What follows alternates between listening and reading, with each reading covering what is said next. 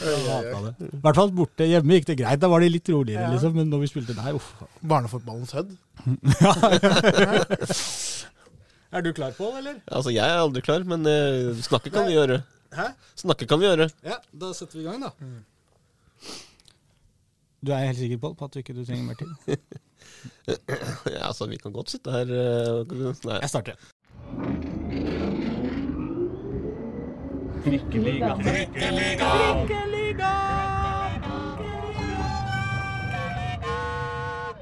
Velkommen til Trikkeligaen. Nå er det sesong fire fremdeles, og Pål har gjort litt research og funnet ut at det må bli episode 42 i dag, kanskje 43. Det har vært litt kluss i vekslingene her, men, vi har i hvert fall godt opp på 40-tallet. Vi sier 42 i dag for, eh, for ordens skyld, Pål. Hei til deg først, kanskje. Hei på deg, Håkon. Thon. Ja, Det er Håkon Thon som sitter her, eh, Håkon Thon. for dere som hørte det. Det er eh, vikarlærer igjen. Det digger vi. Vikarlærer er fett, eh, er det ikke det, Mo? Jo da, det ikke noe, går greit, det. Ja. Da kan man kose seg litt ekstra. Dagens gjest, Momodi Lion Njay. Yes. Der satt den. Ja, bra. Mo holder, sa du til meg. Holder, holder Ja. massevis. Koffa-spiller, på vei opp i Eliteserien. Forhåpentligvis, ja. Livet smiler. Ja da, nå kan vi ikke klage som jeg sa til Pål i stad. Det er morsomt om dagen. Ja da, det er fint det. Vi koser oss. Ja. er Koselig på Ekeberg. Ja, og når dere fikk den, eh, den seieren nå i, eh, i helga også, det var jo mange som etter at dere spilte 0-0 mot Raufoss der, tenkte sånn Å, kommer choken her nå, eller, eh, eller hva skjer? Men så drar dere opp til Sogndal i det som skal være en vanskelig bortematch, og, og tar den egentlig ganske greit, eller? Ja da, nei det gikk fint det. Vi får en bra start og vi følger eh, kampplanen vår. Johs la en bra kampplan og vi følger den egentlig, og så åpner det seg litt. Og så får vi skåringen, og Obi spiller gjennom Nunes, så det er 1-0. Så skårer Simen Hestnes 2-0 like etterpå. Og så har vi ikke sluppet inn mål på fire-fem kamper, så da Da er du fornøyd? Vi, ja, da er vi fornøyd. Da er jeg fornøyd. Så da visste vi at eh, nå, nå er det opp til oss, da, forsvarstreeren og keeperen og eh, resten av laget. Så nå slipper vi ikke mål og skårer ett til, så 3-0. Så det blir bra, det. Og da var det god, tur, god stemning på bussen hjem, Ja eller? da, det ble det. Det ble det. Det var bra. Jeg tenker alltid sånn, det er jo, Dere kjører buss, ikke sant? Ja, jeg med fra. Sogndal. Yes. Ja, eh, jeg tenker alltid på det sånn, man, man ser for seg sånn spillerne etter de har vunnet en sånn kamp, så er det sånn å, det må være helt syk stemning på bussen, og alle bare er fester, og det danses, og det er sånn. Men jeg tenker sånn, det er jo Hvor mange timer i buss er det? Ja, seks timer. Seks timer. Ja, det, det er jo ikke sånn man står på huet hele Nei, veien. det var tungt, ass. Var. Jeg tror etter én time der, så styrte Nunes uh, musikken. Så sa han sånn Nei, gutta, jeg tror jeg dropper den musikken. Nå, nå Ja, det holder. ja, ja. Så da var vi enige alle sammen. For du har jo både fått Du har spilt en kamp, sliten i kroppen, fått utladning, sliten i hodet. Mm. Eh, og så liksom greit, vi må det er, Du har fortsatt litt, sikkert litt høyt, høyt oppe når du setter deg i bussen, Ja. men så kommer Ja. Jeg tipper alle sov etter tre timer. Ja, det var uh, bare slitne kropper på den bussen, ja. Men det skal det være òg. Det skal være det. Og det, var, det er verdt det. Ja. Det er verdt det i den posisjonen vi er i nå. Så For den store festen kan jo komme på søndag. Det Kan det, forhåpentligvis. Ja, Når man slår Sogndal borte, så skal man vel slå øh, Skeid hjemme òg, skal man ikke det? Ja, det gir mening på papir, men fotball er ikke alltid like så lett. Så, Nei. Hjemme og hjemme. Det hadde vært Ja, kulere å på spille den på, på, på Ekeberg Ja, enn på, vært, på eh, Intility, men det går vel an å, å feire, feire opprykk der òg. Det er jo det har jo vært sånn med, med Koffa at de har jo vært gode på, på Intility også. Så det er jo en, eh, en, en annen hjemmebane for, eh, for Koffa. Så gjenstår det jo å se da om at det blir en fulltids hjemmebane for de, for de neste år. Så, så det er jo si, Det er ikke en så stor ulempe kanskje for, for Koffa å spille eh, hjemme på Intility som, som for noen andre lag å måtte flytte, flytte fra sin egen hjemmebane. Hvilket, hvilket forhold har dere til, til Intility? Nei, vi syns det er greit, vi. Så lenge vi får spilt fotball og kost oss, så fokuserer vi egentlig på det. Men eh, det er ikke så mye vi får gjort med banesituasjonen, vi spillerne. Så vi gjør det egentlig beste ut av det. Men eh, selvfølgelig hadde det vært mye mye kulere å rykke opp på Ekeberg foran eh, alle sammen. Og... Men, men. Vi får gjøre det beste ut av det. Så Fotball skal spilles, og vi må vinne. Så vi får fokusere på det. Jeg husker Jørgen Isnes snakka mye om det da han var i Koffa. Alltid Intility. Kjempebra, tommel opp, og det var liksom Det. Det, det, det er hjemmebanen vår, det. Ja, ja. Men sånn var det jo for Eller sånn er det jo fortsatt da, for, for Jørgen. Alt er kjempebra, uansett hva det var. Ja, det, er- det var aldri en utfordring. Ja. Nei, da, men man fikk noen gode resultater der òg, så man kunne liksom underbygge det med at uh, hvis du ser på historikken, så er den ikke så gæren der, egentlig. Ja, 100, ja, 100 Så nei, Isnes har eh, rett der. Han er veldig flink på det, å se på den lyse siden av ting. Så det har vi tatt med oss, og det fortsetter vi med. Så det går greit, det. Inntil det er topp. Men hva, hva, hva tenker du om, eh, om den der banesituasjonen sånn personlig, hvis man rykker opp? altså, Jeg regner med at du sikkert som alle andre håper kanskje at man skal spille på Ekeberg, at Ja. man får gjort noe der, da. Men Ja. eh, hvor stor sjanse tror du det er? Jeg har null anelse. Eh, ikke lest meg opp på det. Men eh, det er litt synd, da. Fordi de i klubben og de i administrasjonen har jo stått på virkelig lenge. Ja. Og uh, Tor Erik har hatt møte med oss og prata fra hans synsvinkel, og han kan jo bare si så og så mye. For han Mm. vet jo ikke hva de andre tenker, de i byrådet og kommunen osv. Men eh, jeg er ikke den som er mest oppdatert på den situasjonen, men uh, definitivt. Det er, uh, vi vil spille på Ekeberg. Det tror jeg prater for hele laget når jeg sier det. Ja. Mm. Det er, ja, altså jeg var jo, vi var jo oppe der Var det forrige uke, Håkon? Eller var det uka før?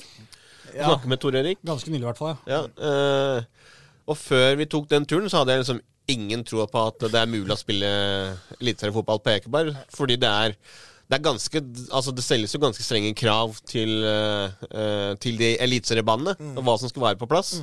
Eh, og så er det jo ting på Ekeberg som det ikke er mulig å få på plass. Liksom Både med, med lyset og uh, garderober da på andre siden av, av veien, og litt sånn småting i forhold til reglementet.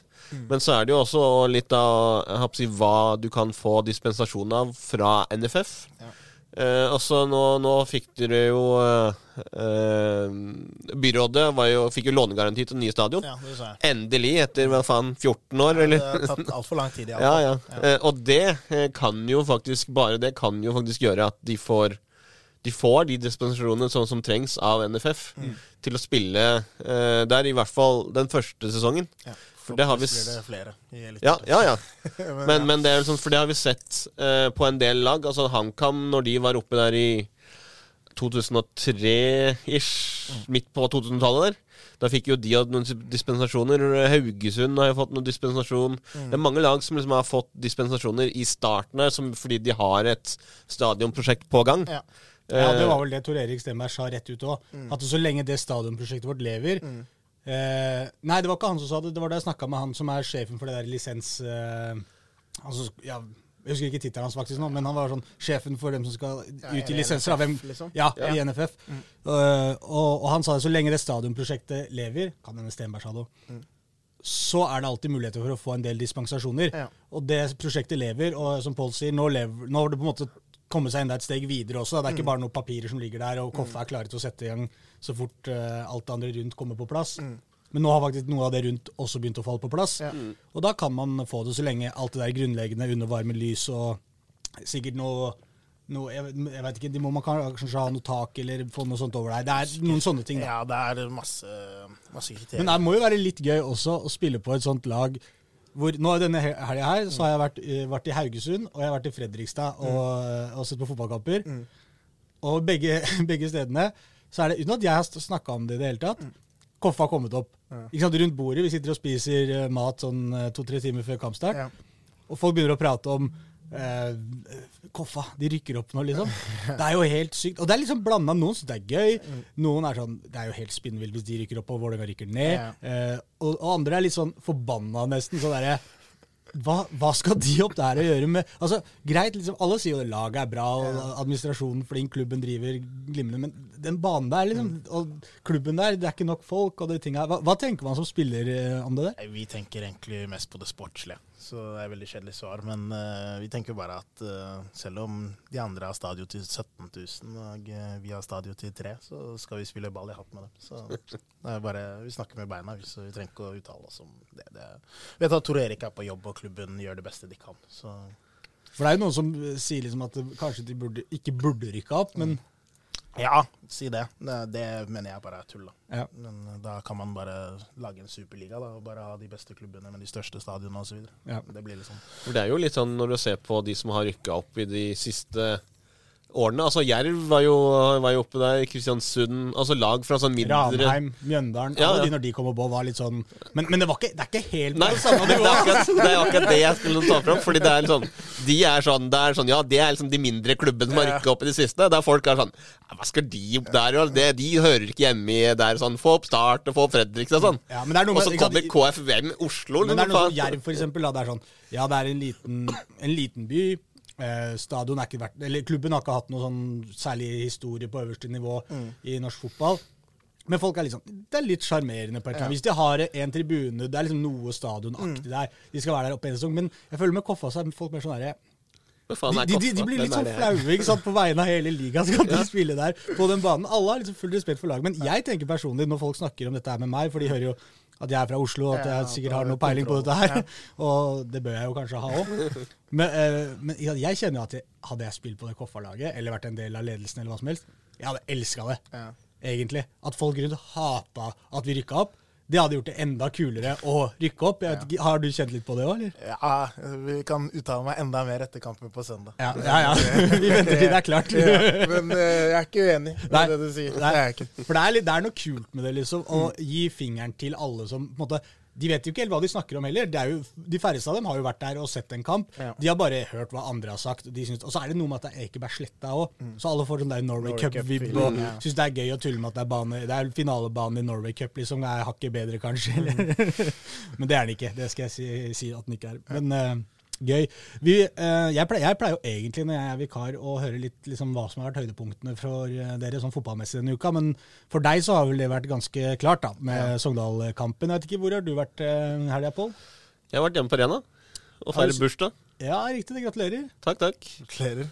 Så det har vært det. Jeg har jo sett, men det, det som jo har vært eh, Da eh, kjenner jeg deg rett, så så du på noe fotball? Ja, eller? altså den, den eh, jeg, så jo, så jo kampen til Mo i eh, Og resten av spillerne, Kolva-spillerne i Sogndal.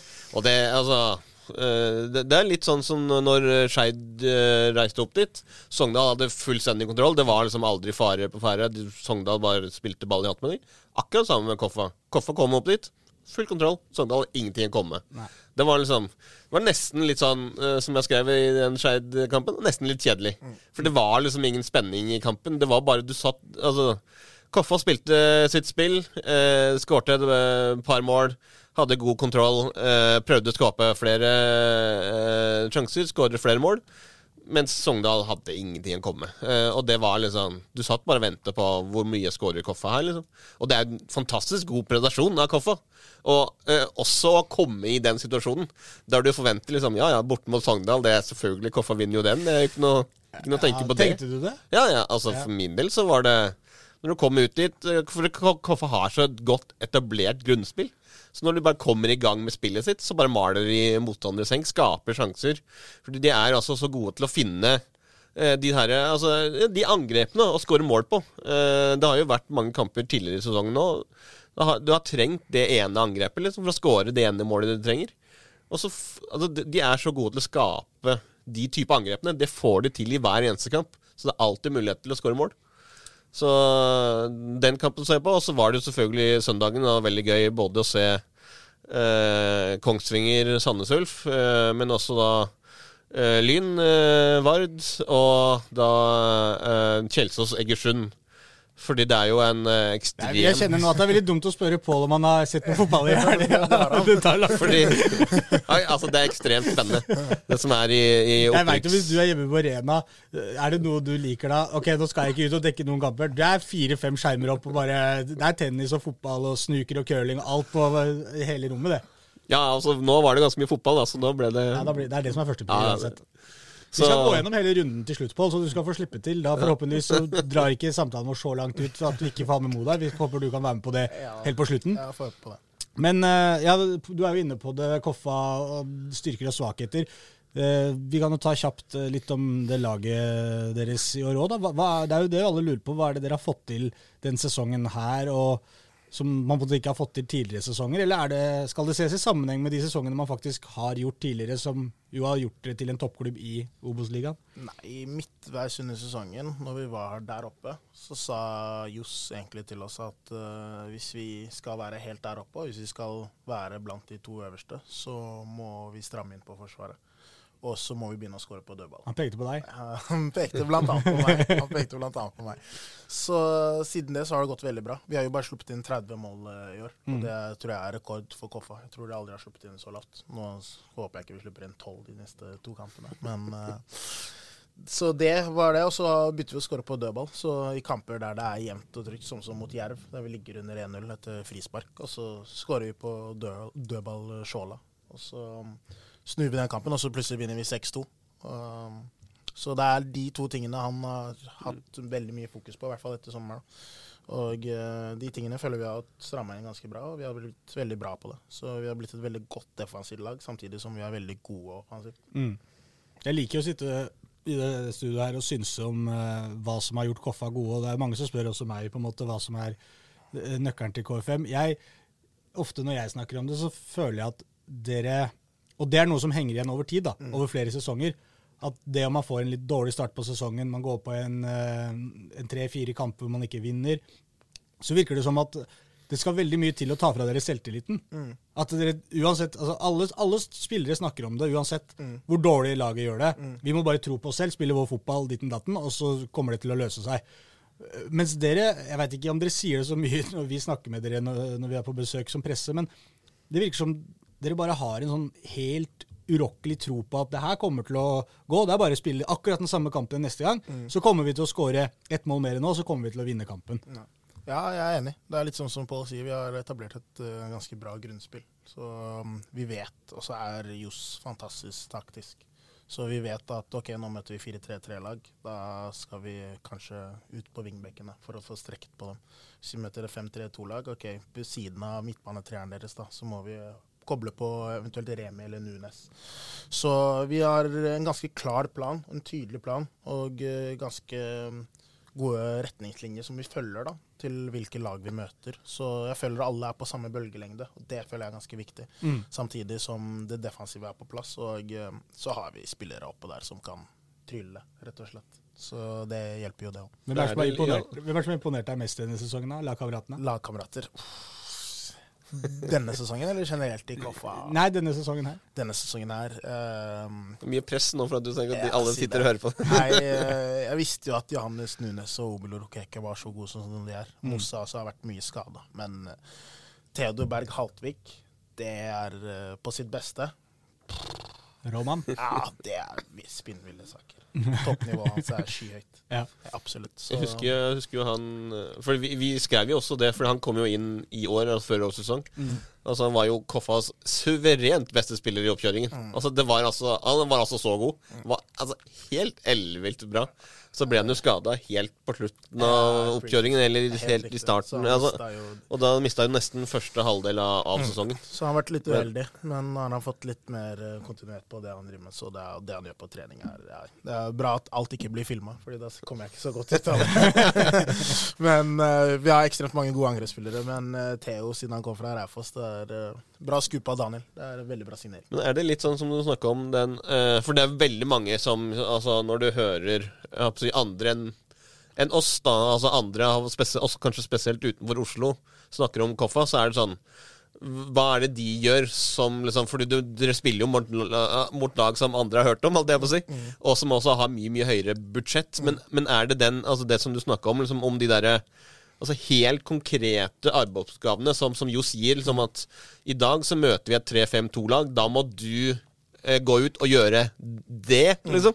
Som gjør at Fordi det, det som jo er en stor forskjell, er jo nettopp den samspillheten. Alle veit hva dere skal gjøre. Altså den her er litt sånn eh, Spillerne er jo nø- nødvendigvis ikke like kjent, eller altså Alle de tingene, men, men når du har ekstremt klare og tydelige arbeidsoppgaver, så er det kanskje lettere å sette det sammen som et lag, og når det fungerer, så, så blir det her resultatet. Ja, 100% Og relasjonelt også så har vi blitt veldig sterke. På han har jo forma den samme elveren jeg vet ikke hvor mange ganger, men det er mange ganger der det samme laget har starta. Og vi har blitt godt vant med hverandre og blitt eh, gode sammen, rett og slett. Så det også har ekstremt mye å si. Men eh, ja, Johs eh, i pausepraten og på banen, de justeringene han gjør, er eh, det er ekstremt høyt nivå på. Så ja, du sier jo at eh, det er jo større lag med større profiler osv.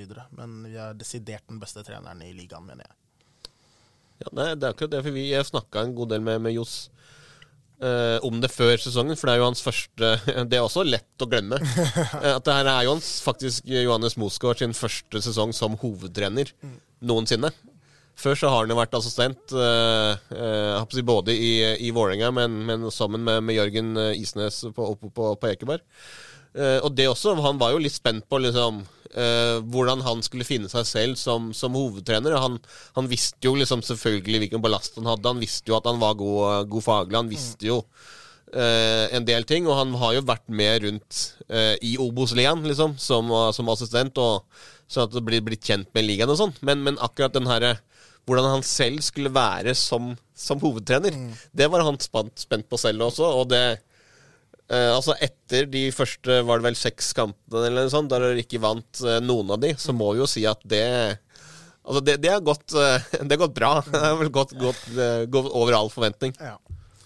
Men, eh, men når det kommer til det som du sa med at hvis vi møter et sånt lag, Mm. så spiller vi sånn, og hvis vi møter et sånt lag, så spiller vi sånn. Jeg føler Det er ganske mange trenere i Norge som på en måte veit De kan sitte og si til deg vi må gjøre sånn og vi må gjøre sånn. Hvis vi skal slå, Da slår vi dette laget her. Mm, eh, akkurat det tror jeg det er mange trenere som på en måte kan si. Det er det å forvandle det til at dere en, eh, tror på at det er det som fungerer. Gjør dere det? Ok, da må vi ut og faktisk gjøre det. Ha kvalitetene til det.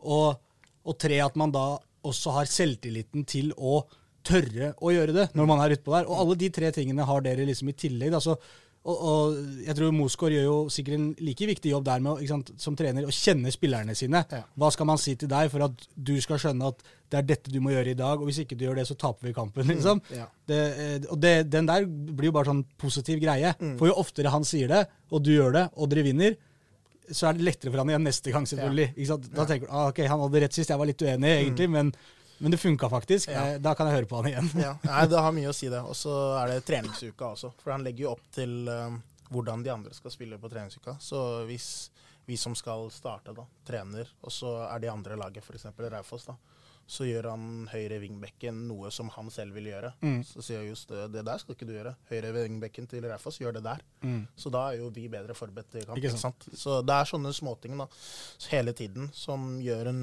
stor forskjell. Og jeg tror det er mye av grunnen til at vi ligger der hvor vi er nå. Så du, har en, ja, du er en kantspiller, eksempel, og du, du elsker å gå innover, da. Mm. Og du, du vil gjøre det hver eneste gang, men, men Johs kan finne ut at det andre laget Hvis du begynner å gå mye innover her Mm. Du kan lykkes, selvfølgelig, Ja. hvis, du er, hvis du gjør det helt perfekt. Mm. Men stikker du ned mot eh, kortlinja her, der er det mye dårligere. liksom. Mye bedre sjanser. Sånne ting. Ja, sånne ting. Så det er hele tiden veid opp, da. Så han, eh, han tenker på ekstremt mye. Jeg tror jeg ikke er i hodet hans, men uh, han kan saken hans. Hva er forskjellen på han og Isnes? Um, Isnes uh, var jo tidligere stopper, tror jeg. Jeg tror det. Ja, jeg, fall midt, jeg spilte jo litt midtbane, og Ja, da defensiv midt og Defensiv, sikkert litt men jeg tror litt mer sånn defensiv struktur og sånn. Ja. Når vi har todeling, da, så har vi noen av de offensive spillerne. Da går de med Johs. Mm. Og de defensive spillerne, da går de med Luke, som er assistenttreneren vår nå. Men uh, i fjor så var det de defensive spillerne, de gikk med Isnes. Ja. Og uh, akkurat på de treningene der så er Isnes uh, helt enorm. Ja. fordi det er ekstremt detaljstyrt, og han er veldig god med tanke på kroppsposisjon og kroppskontakt inne i boks og uh, alt sånn. Så eh, der er Isnes uh, veldig bra. Men Du jeg- lærte mye av han der? Du lærte veldig mye av han der, så det er jeg veldig, veldig takknemlig for. Mm. Mens uh, Johs er med på de offensive spillerne. Litt sånn OK, du skal gå i det rommet der, og når du går i det rommet der, så kan du kombinere med han. Og han setter jo ikke tøyler på uh, angrepsspillerne våre. Nei. Det ser dere kanskje når vi spiller også. Så Obilo Rokeke han kan plutselig så er han inne i midten, men plutselig så er han ute bredt og kan kjøre én mot én mot uh, bekken sin. Og Johannes Nunes kan droppe ned, men det er fordi han, vi vet jo at uh, hvis jeg spiller ballen til Nunes feilvendt med mannhøyrygg, så vet jeg at han ikke mister den. Mm. Sammen med Remi Svindland. Så han uh, litt mer friere offensivt, da. Så um, det er uh, en av grunnene, det er en av de forskjellene som jeg legger merke til. da. Jeg husker jo at i eh, alle de sesongene Isnes var der, så husker jeg det var mange sesonger hvor, eh, hvor vi snakka om akkurat det der. Mm. Hvordan spille ut det der eh, etablerte forsvaret. Mm. Og det jobba han jo med i mange sesonger, med å liksom eh, få løpene inn i boks. eh, bevegelse, balltempo. Han snakk- jeg følte at vi, med han, snakka aldri om noe annet enn det offensive. Mm. Sikkert fordi det du sier, at det defensive fungerte jo. De var gode defensivt, og det var de i mange år. Og de hadde mye ball. Og da var det liksom bare det, det, kunne jo, det var jo noen kamper på Ekeberg som var det kjedeligste i verden. Hvor det bare trilla ball, trilla ball, trilla ball. Uh, og Isnes sto og skrek 'slå den gjennom', 'slå den gjennom'. Ingen som slår den gjennom. Han sto og reiv seg håret. Hvorfor er det altså, Jeg sier det, må slå den gjennom der! Og løp igjennom. Med, med en gang det kom en som løp igjennom, så slo de på han og var kjempeenkel, selvfølgelig. Han ville jo ha løp overalt hele tiden. Men, uh, jeg tror han brukte litt tid på, på å få det der til å funke. Altså. Ja, Selv om.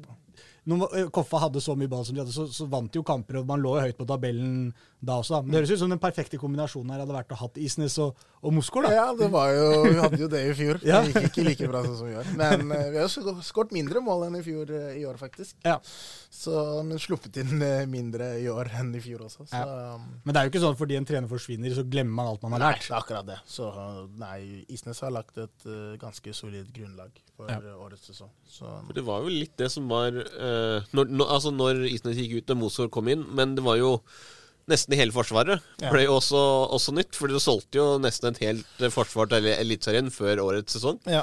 Hvordan var det der? Altså, for mange av dere var jo der også i fjor, men da spilte dere jo ikke like mye og hadde ikke like mye ansvar. Eh, hvordan var liksom den her eh, overgangen der til at nå er det dere som skal ta ansvar? Nå er det plutselig dere som skal liksom være det forsvaret og, og ikke slippe en mål? Nei, vi var jo klar for det. Man fikk en ekstrem mersmaksfølelse i fjor når man var med på det. Og var med å vinne noen kamper og så videre. Men var mye mer inn og ut av laget. Men eh, jeg sa når jeg kom til eh, Koffa, så hadde jeg møte med Johs og Isnes og trenerteamet. Så sa jeg at første sesongen så skal jeg bidra alt jeg kan, og jeg er glad for de minuttene jeg får. Men andre sesongen så har jeg lyst til å ta mer ansvar og eh, by litt mer på meg selv og stå litt mer fram, da.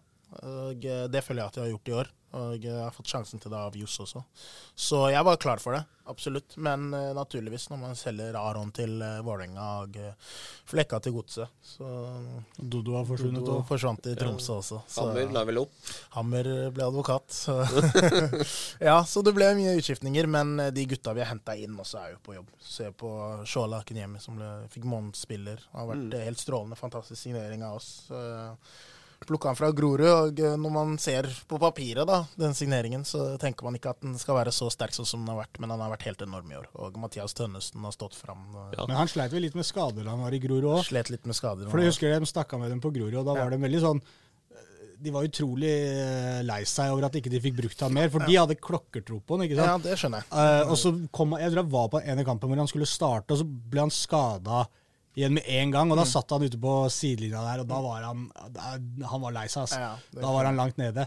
Så det er jævlig kult at han har eh, Nei, det, er, det er moro. Det At han løsna for han, at han holder seg skadefrisk, ikke, skadefri, Absolutt. ikke minst. Så, Og det, det er litt det som du kanskje også snakka om litt tidligere. her, At sånn, for jeg, jeg var oppe der en eller annen gang, jeg husker ikke hvilken det var, men det var jo Da hadde jo Moskva sagt til han som at eh, nå har det vært litt mye, mye slurr, eh, det har kommet litt mye for seint på trening og litt sånn i det siste. Hvem da? Uh, Shola. Ja, okay. Eh, og da sa han liksom så, altså, Han sa at uh, er etter meg, for da skårte han jo to mål. Ja, Første gang han hadde skåret mot, eh, på fire år, eller noe sånt. Da hadde liksom Moskva sagt liksom hvis du ikke liksom skjerper deg nå, leverer et par mål, eller får noe liksom, eh, leverer en god prestasjon mot Jerv, så er det fort benken. Han sa vel ikke levere et par mål, kanskje? Eller? Nei, ja, men altså, det var liksom For det var jo altså Jeg trenger en god prestasjon nå, liksom. ja, ja. Og så leverte han, og ja ja, men da får jeg bare gå ut der. Jeg hadde turte jo ikke noe annet, for jeg må jo beholde plassen. Og da var det rett ut og skåre to mål, da. Ja, altså. og det så har han jo liksom fortsatt med det. Altså fått de liksom der eh, så, så jeg tror liksom at han altså, Moskva også er ganske flink på sånn man management. Ja, altså trykke på knapper hos de enkelte spillerne. Absolutt, han er det. Så han sa i matchmøtet foran alle at uh, i dag burde du være banens beste, sjøl, Og det tror jeg han ble, altså. Så, nei, det ordna seg. Men uh, de gutta bak oss også pusher oss på trening med Kristoffer Lassen og Ayob alle sammen. Vi har jo ekstremt gode midtstoppere. Det er tøff konkurranse overalt i hele laget vårt. Men uh, det gjør jo at vi må være på tærne. da. Vi kan ikke være komfortable. Så alt i alt, så den dynamikken vi har i stallen, den er ekstremt viktig. Så det er jo ikke bare de elleve som er ute på banen, det er jo hele laget. Men det er vel noe med å ha den tryggheten om at, øh, å vite at øh, ja, du må prestere, men du trenger på en måte øh, det nivået du ligger på nå, så er en normal dag for deg bra nok, på en måte. da. Du går ikke ut på banen hver gang og føler at du må overprestere. Ja. Og det er sånn, hvis, hvis det hadde vært så enkelt, så kunne jo bare Moskov sagt til, til Shola hver match at i dag bør du være banens beste, og så går han og skårer to mål. Ja, liksom. det er Det å treffe på tidspunktet Ja. når du sier det. 100 Og at han kanskje er litt enig i det selv òg. Ja. At eh, ja, vet du hva, jeg, jeg, han tenker i hvert fall inni seg ja, det er, jeg har kanskje litt å bevise, nå. Ja. jeg skal gjøre det. Jeg skal prøve mitt beste. Absolutt. Hva, hvis jeg spurte Pål i stad om eh, liksom, uka hans og fotball, da var det mye kamper. Eh, Hva er det, hva slags fotball følger du med på når, eh, når du ikke spiller selv? Det det er mye. Du er sånn fotballpunch, liksom. Ja, jeg det. følger ekstremt mye med på mye. Så sett så Kjelsås-resultatet mot Egersund. Jeg gikk jo ikke så bra. Så litt der. Og så var jeg på Vålerenga-kampen, var på inntil til Ja. til Rosenborg. Det gikk i helg, så det gikk ikke så bra for Oslo-laga, men eh, det gikk bra for oss. Så må følge med på Obos-ligaen da også. Se på de andre. Skeid uh, tapte knepen til 1-0 mot Jerv der. Ja. Så nei, jeg følger med på stort sett ekstremt, eh, ekstremt mye. Men du følger med på mye norsk fotball? da? Mye norsk fotball, ja. Ja. Mye norsk fotball. Jeg var slash er United-fan, så. Nei da. Det er, tung, det er en tung tid. Ja, det, er, det, er, tror jeg første gang på flere år jeg ikke har sett et Manchester Derby når jeg har hatt mulighet, Ja. faktisk. Og det med god grunn. Så. Det koster litt penger òg, da. Ja, det gjør jo det. Men eh, det er jo allerede betalt for, så det er ikke det det ja, du, hadde, du bare tenkte at dette er ikke vits? Ja, nei, det, Det var vel eh, samtidig med, med Kongsvinger. eh. Stemmer. Så ble Hvordan var det for dere? Dere var vel samla oppe på, på Ekeberg? Vi var samla. Vi var samla. Ja, sant det. Det så jeg bilde av, ja. Ja, så på 3-0 så tror jeg alle sammen stakk. Ja, ja. For det, det var liksom, vi også fikk melding på tidligere på dagen. Sånn, gutta skal samles på Ekeberg, og kan liksom, hvis det blir mot formodning skulle bli opp, så kan vi samles og tar noen bilder og litt Ja. etter det. Ja. Og da så jeg liksom at mange av dere var der, og så ja. Men man er ikke kjempeskuffa da. Nei, det går Fordi det er jo egentlig fetere å Ja, gjøre det selv. Enig. Jeg er veldig enig. Så det har, det har bare vært bonus, det, egentlig, at alt hadde vært sikra osv. Men eh, nei, Intility 15.00. Skeid. Skeid. Det er der folk skal være. Det er jo snubletråden som vi har prata om her i, i tre måneder nå, eller noe sånt. Vi har sett på den kampen der. Egentlig, helt fra vi skjønte at Skeid kommer til å rykke ned, så har det vært sånn men, Og de ikke vinner noen kamper, men den kampen der, den nest siste der, Ja. det er plutselig den de vinner, ikke sant? Og ødelegger for uh, Det har vært typisk. Jeg prata litt med Melker, og han mente at han sparte seg til den kampen. Han var på benken nå, så vi får se. Vi får se. Det er jo en del som har spurt om, om akkurat eh, den kampen. Både med å spille det, men altså litt sånne ekstra feiringer og litt sånne ting. For du også har jo, har jo en bakgrunn fra, eh, fra Skeid. Ja. Så det blir vel eh, litt sånn hvis dere eh, sikrer opprykket mot Skeid. Blir det litt sånn, litt sånn ekstra feiring, eller hvordan, Ja, hvilket det- forhold er det du har til, til Skeid? Ja, det hadde, det hadde betydd litt ekstra. Jeg skal ikke lyve. Jeg var jo der, spilte juniorfotball der, og vi hadde et uh, kjempebra juniorlag. Vi skulle egentlig spille Skeid 2 tredjedivisjon der, men det var koronasesongen, så tredje kom aldri i gang. Men vi hadde jo Abel Stensrud, Emil Tjøstheim, Jakob Napoleon Romsås, Obilo Rokeke, meg. Så det er jo masse gode spillere, så jeg tror vi hadde klart oss bra. Men uh, det ble dessverre ikke noe av. Og så etter sesongen der så mm, fikk jeg melding dagen før uh, når Skeid skulle begynne opp igjen, om jeg var interessert i å trene med dem av Gard Holme.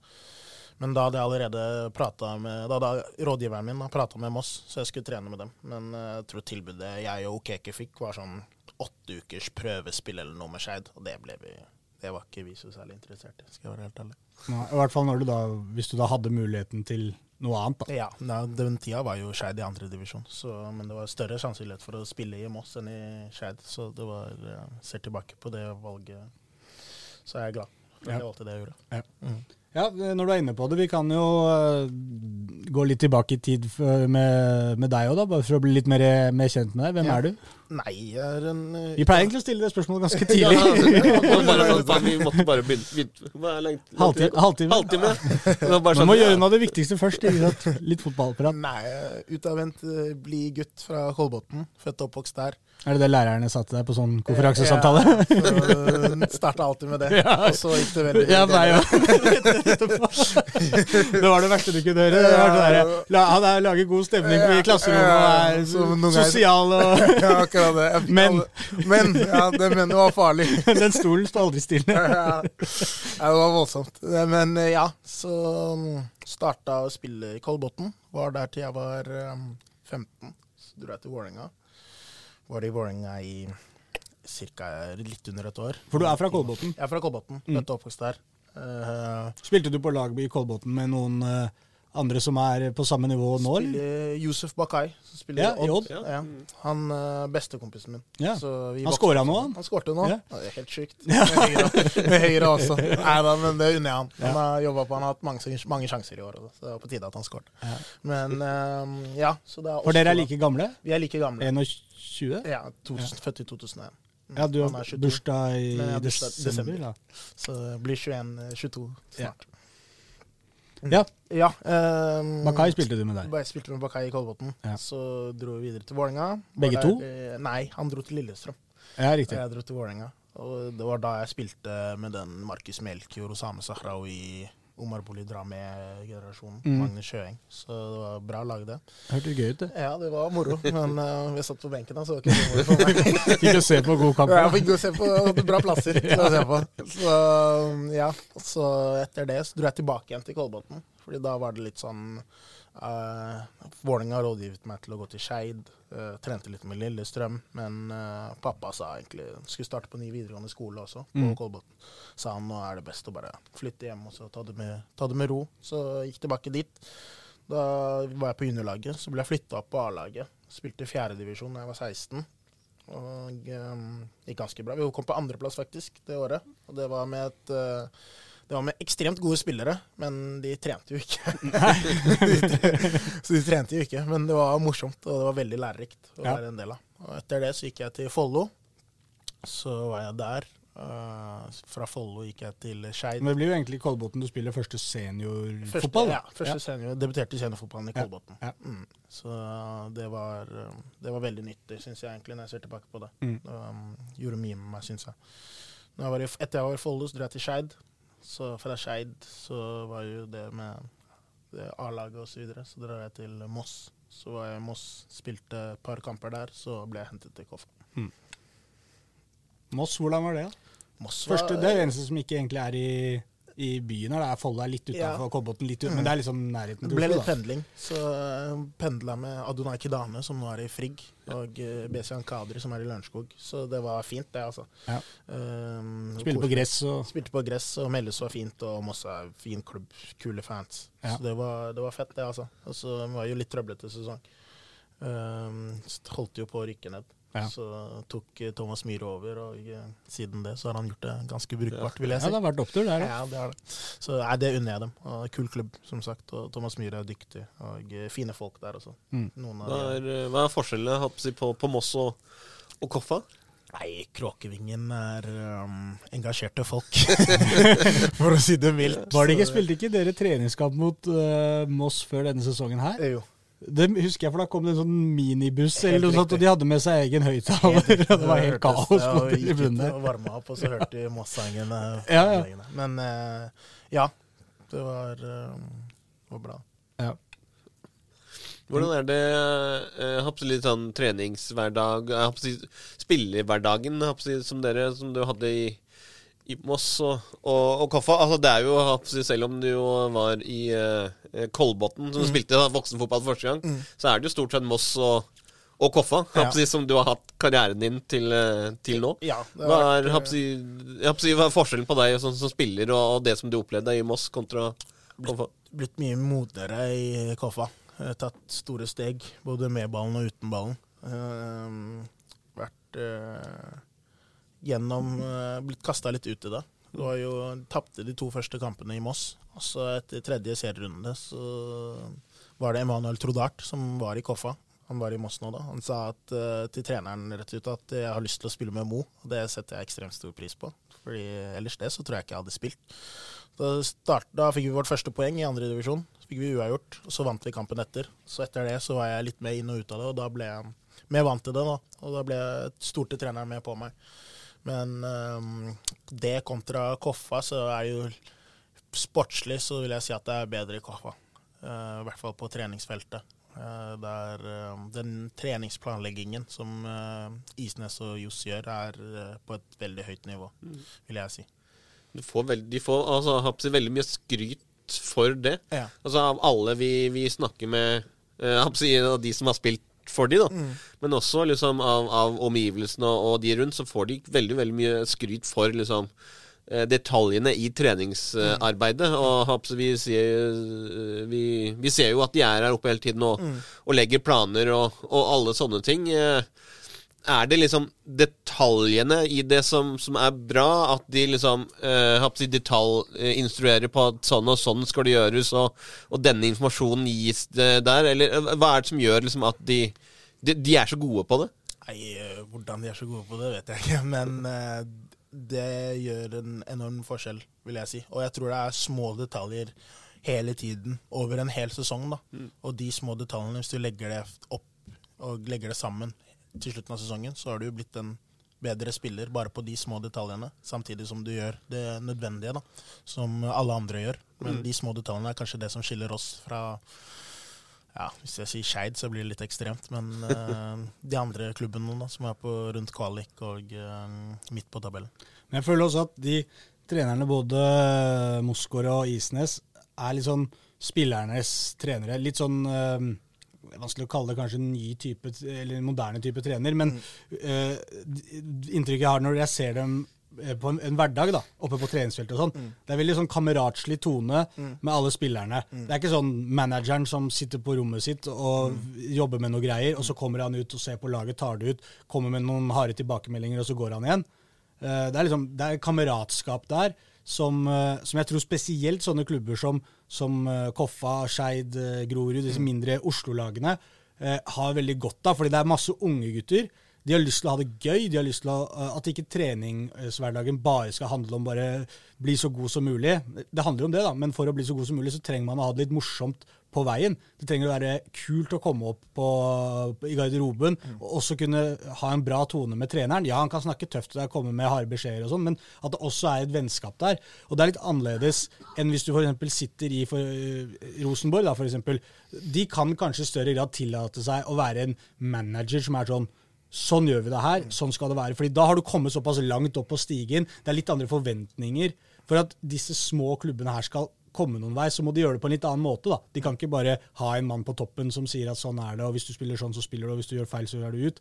Det er klart, Alle vil dit på et eller annet tidspunkt, og, og, men da har du på en måte fått tykk nok hud til å tåle det. Men er man en ung kar, liksom, så vil du gjerne at treneren også sier bra, det var bra gjort, liksom. God kamp i dag. Veldig enig, og de er begge veldig gode på det, de trenerne jeg har hatt i Kaffa, Isnes og Mosgaard. Så um, jeg føler det er veldig viktig. Og som du sier, det er veldig viktig i klubber som Skeid, Grorud og Koffa. Fordi um, man har ikke Det er der man har syv-åtte stykker på feltet som bare tar seg av treningen, og så står de med hendene i kryss og bare ser på. Mm. De er jo med, og de er begge ganske engasjerte i trenings, um, på treningsfeltet. Jeg føler også, også ganske engasjert i måte, livene til spillerne Ja. utenom Mm. fotballen også. Ja. At jeg husker liksom, det slo meg da jeg var der oppe en gang. at Det var sånn, det var ferdig med trening, gutta kommer ut fra garderoben. Mm. Eh, det, var, ja, det var Isnes som satt der da, da, men han var liksom sånn Snakka om hva de skulle i morgen. Ja, du skal jo eh, dit, møte de. Hils han. Mm. Eh, ha det kult der. Mm. Eh, kjøp nummer sju på den menyen når du skal på den restauranten. Jeg vet du skal dit i kveld, liksom. Den er dritgod. Ja. De, de visste liksom så godt hva alle dreiv med. da, Engasjerte folk. Ja, nei, jeg er veldig enig. Det var jo en av de første møtene som Når jeg hadde Når jeg prata med Goffa når jeg var ferdig i Moss, da, og jeg skulle velge hvilken klubb jeg skulle spille for neste år, fordi kontrakten min med Moss gikk ut, så prata de mye fag og fotball, men de spurte sånn OK, hvem, hvem er Mo? Ja. Uh, hva driver faren din med? Hva driver moren din med? Jeg tenker, er, hva er det disse her vil? hva er det de jeg vil?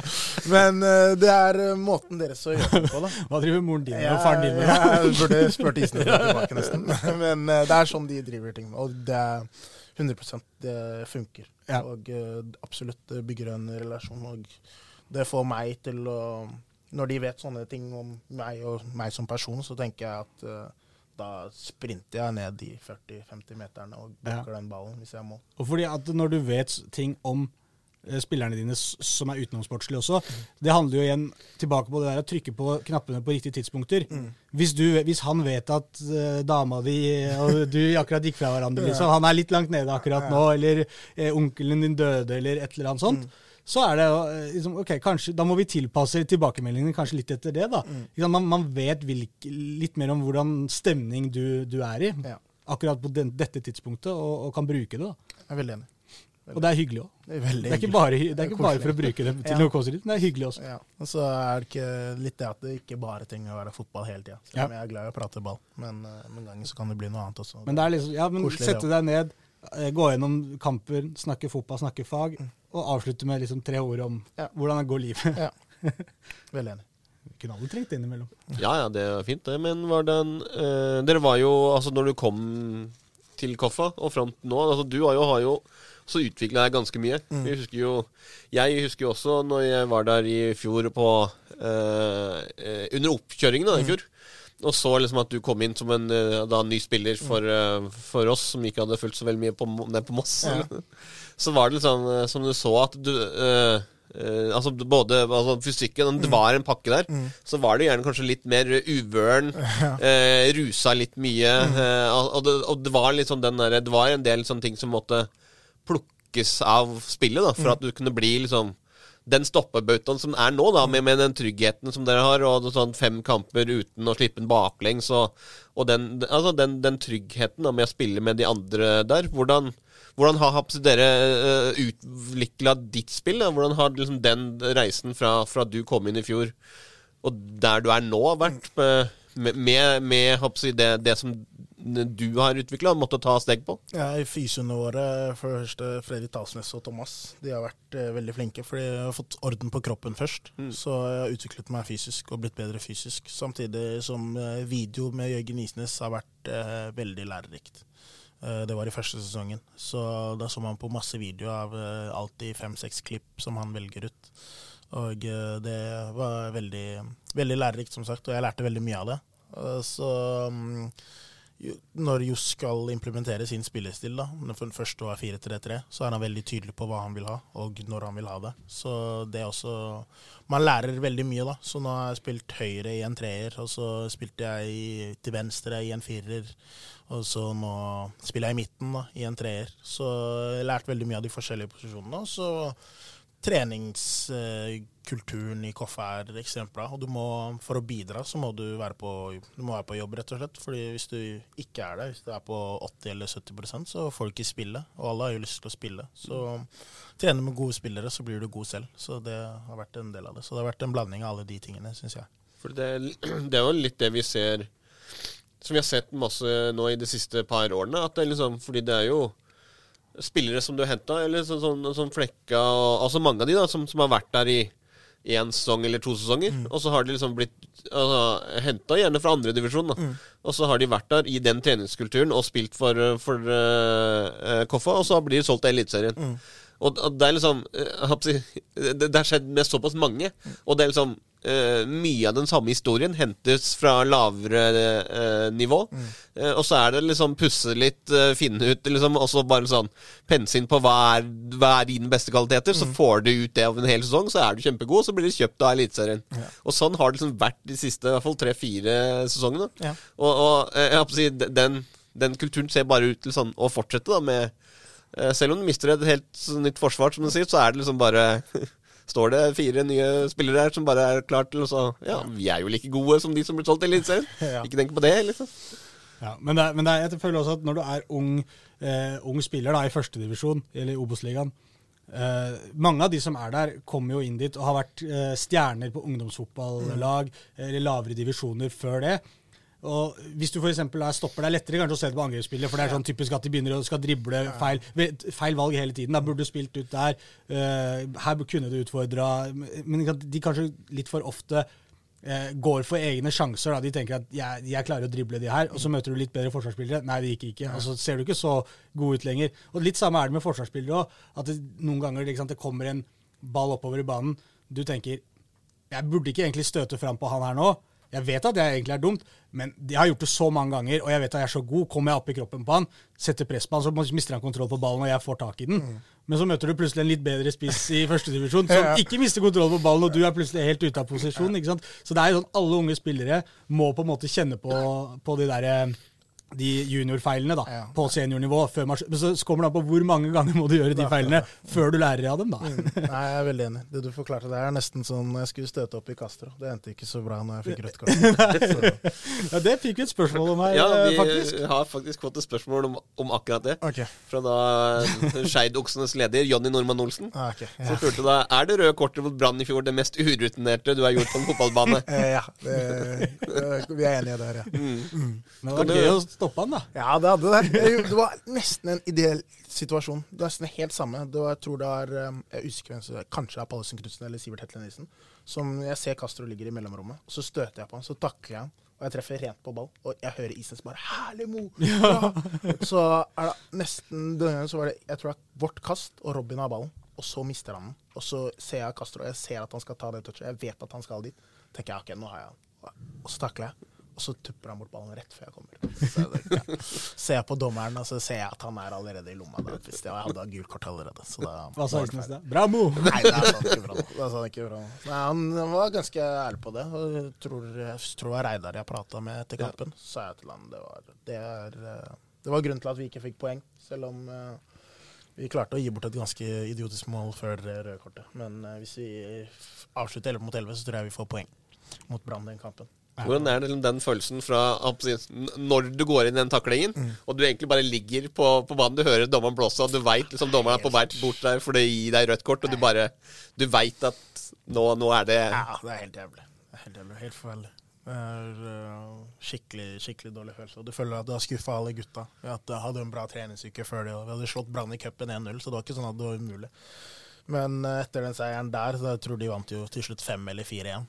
Men øh, etter den seieren der så gikk det jo på skyer for Brann, så det har gått bra for dem. Jeg alltid tenkt Når du bare får eh, rødt kort som spiller eh, Jeg tenkte på det senest når jeg så på det der Ære være-programmet på TV 2, det Vålerenga-programmet. Hvor Den kampen hvor Juklerød blir utvist. Det var vel mot Brann, eh, det òg? Ja. ja. Var ikke derbyet, kanskje? Nei, det var mot Brann, tror Ok. jeg. Det, det for Brann, Bård Finne hadde vel først blitt utvist. Ja, så, når han rev ned Ja, Finne, ja. ja. ja. Uh, og så uh, går- sitter, går han inn i garderoben der, så ser du liksom Han står og ser på en TV-skjerm der inne, følger med på kampen. Tenker, han, han står jo inne i garderoben. Altså, Du er helt aleine, og så kommer alle spillerne inn. Helt Og du ser at de er skuffa. Det er ingen av de som nødvendigvis ser bort på deg. Noen kanskje liksom kikker bort sånn fordi, Ikke noe slemt, men bare ser på deg, liksom. Men jeg tror du sitter der og må føle sånn Uff. Tenker, er det ikke lov å dra hjem før spillerne Eller du må liksom være der og si sånn Sorry, gutta. Jeg gjorde det etter kampen i garderoben, men eh, på det tidspunktet jeg går av, så er det jo 1-1. Mm. Og da er Ja. masse Brann-supportere på Ekeberg den dagen. Så plutselig så hører jeg det jublet, og jeg hører at det ikke er Ekeberg-supportere. Ja. Hører at det ikke er profetene. Så um, hører jeg det juble igjen og igjen og igjen. Så tenker jeg bare å, fy hva er det jeg har gjort? Ja. Men det er ekstremt tungt. Da håper jeg aldri får oppleve den følelsen igjen. Jeg føler det er sånn, jeg vet ikke hva man skal sammenligne med, men det må jo være litt som å sitte, Du sitter og vet at du skal komme med en kjip beskjed eller noe. Det er sånn, noen ting som man gruer seg veldig til. da. Jeg kan bruke, Hvis du skal slå opp med dama igjen da, du, du vet at du skal gi den beskjeden. Ja. Går her nervøs hele dagen, fordi at uff, det er ikke noe gøy. altså. Det samme, jeg har jo faktisk også den samme historien for når jeg jobba i, i- i TV 2. Eh, I 20 Skal vi se Det var vel 2012, tror jeg det var. Fordi altså, det gamle studioet som TV 2 hadde på, på Nøstet i Bergen, for der var det eh, Altså, TV-studioene lå nede, og det tok ca. sju minutter da, fra de gikk av lufta til de tok heisen opp og kom inn i vår redaksjon. Og så var det sånn at noen ganger så altså, eh, For jeg hadde jo ansvaret for å skrive inn ting på grafikker og legge inn ting som, riktig, som, som kom ut på skjermen. da Sant? Så, så hvis du da eh, gjorde det feil, så kom det jo feil informasjon til de som var programledere, som satt og leste opp det. Sant? Så gjorde du de feil. Uh, og det skjedde jo uh, av og til. Noen ganger, det skjedde, ja, egentlig To ganger skjedde jo det. Den første gangen så, så tenkte jeg ikke så mye, på det, men da kom jeg jo og fikk voldsom uh, skyllebøtte av fin gnatt. Eh, og så den andre gangen så visste jeg jo hvordan det var. Ja. Sant? Fordi jeg hadde gjort en feil, og jeg visste jo hvordan det var den forrige gangen. Og så visste jeg jo at når han da hadde takka for den sendinga, da var det sju minutter til, til det jeg skulle få den kjennebøtta. Og da satt jeg jo bare der og tenkte på det. Altså, hva faen skal jeg gjøre? Altså, du, du greier jo ikke å konsentrere deg om noe som helst annet. Du sitter jo bare der og tenker på faen, nå skal, nå skal jeg bli skjelt ut, liksom. Og det var sånn Ja, skal jeg, skal jeg stikke av? Skal jeg gå på do? Skal jeg liksom prøve å unngå å finne resten av dagen? Skal jeg, gå- altså, sånn, alle sånne, sånne, sånne, sånne ting som, eh, som går gjennom hodet, hodet, hodet på deg. Ja. Bra. Skal vi ta noen flere spørsmål, da? Ja. Eh, Jonny hadde jo ett til. Jeg hadde to til, men det var ene var forskjellen på Isnes og Mosgaard, og det har vi egentlig vært innom. Ja. Eh, det tredje han spiller, er har du litt sympati med gamleklubben som nå rykker ned i PostNord? Eh, og så legger han til, og sånn helt på slutten, vær litt snill med oss til helgen, da. har du litt sympati med Skeid? Nei. Knallhardt. Nei. Eh, føler litt for Melkjord og noen av de gutta jeg kjenner der. Men eh, nei, Melkjord klarer seg. Det skal nok gå fint. Han er god fotballspiller. Så. Ja. Fra. Batu JS. Mm. Er det, vet du hvem det er? Kompis. Eh, Kompis? Ja. Ja. Det virka litt sånn, nemlig. Han spør hvorfor har du fått kallenavnet Bri i vennegruppa di, Og hvem blir mest sannsynlig borte på botur når dere rykker opp? Eh, Bri. Bri vet jeg B-R-I-I? Jeg vet ikke helt hvorfor jeg fikk det kallenavnet. Men, de, Men du blir kalt det? Blir Bri? kalt det i ny og ne. Det er ikke ofte, Nei. men uh, det er ofte han.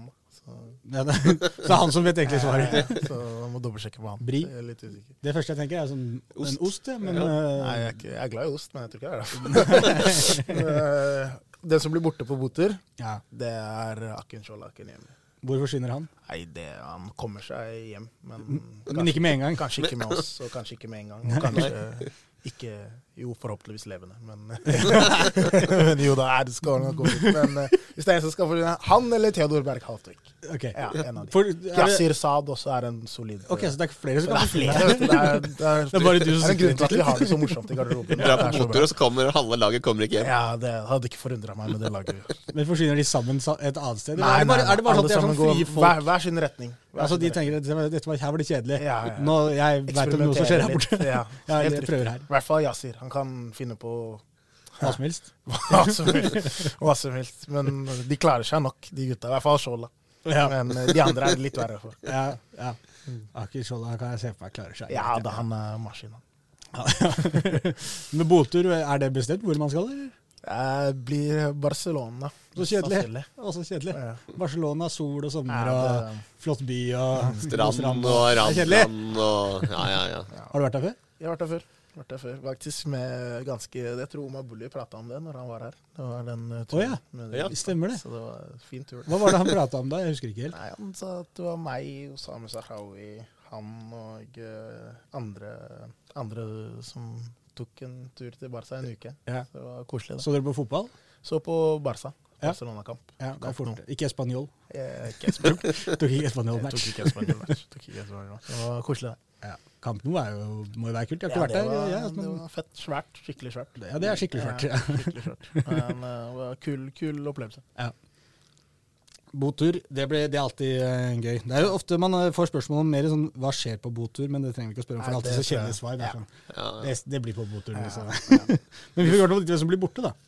Ja, det må, det må få, vi må få en uh, Da veit vi jo det. sånn når eh, de drar på botur, så veit du jo at eh, dagen Altså når de egentlig skal komme hjem, så er det bare å ringe om og sånn Du, hvem er det som mangler? eh, Har dere tatt vareopptelling på spillere nå i det siste?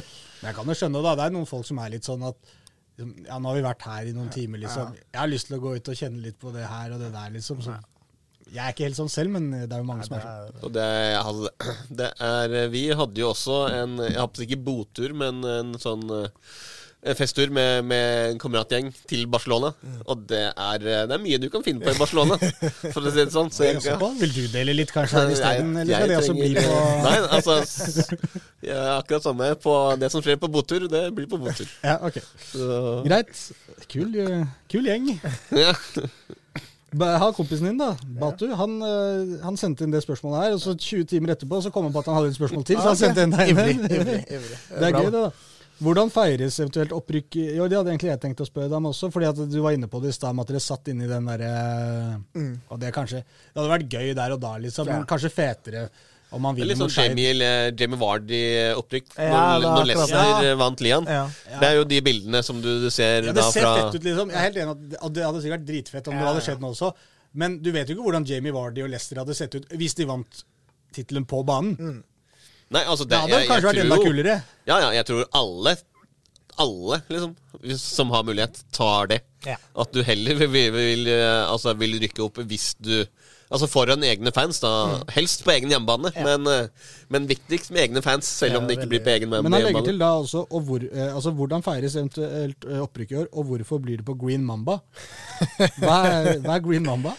Det er eh, et sted i Gambia.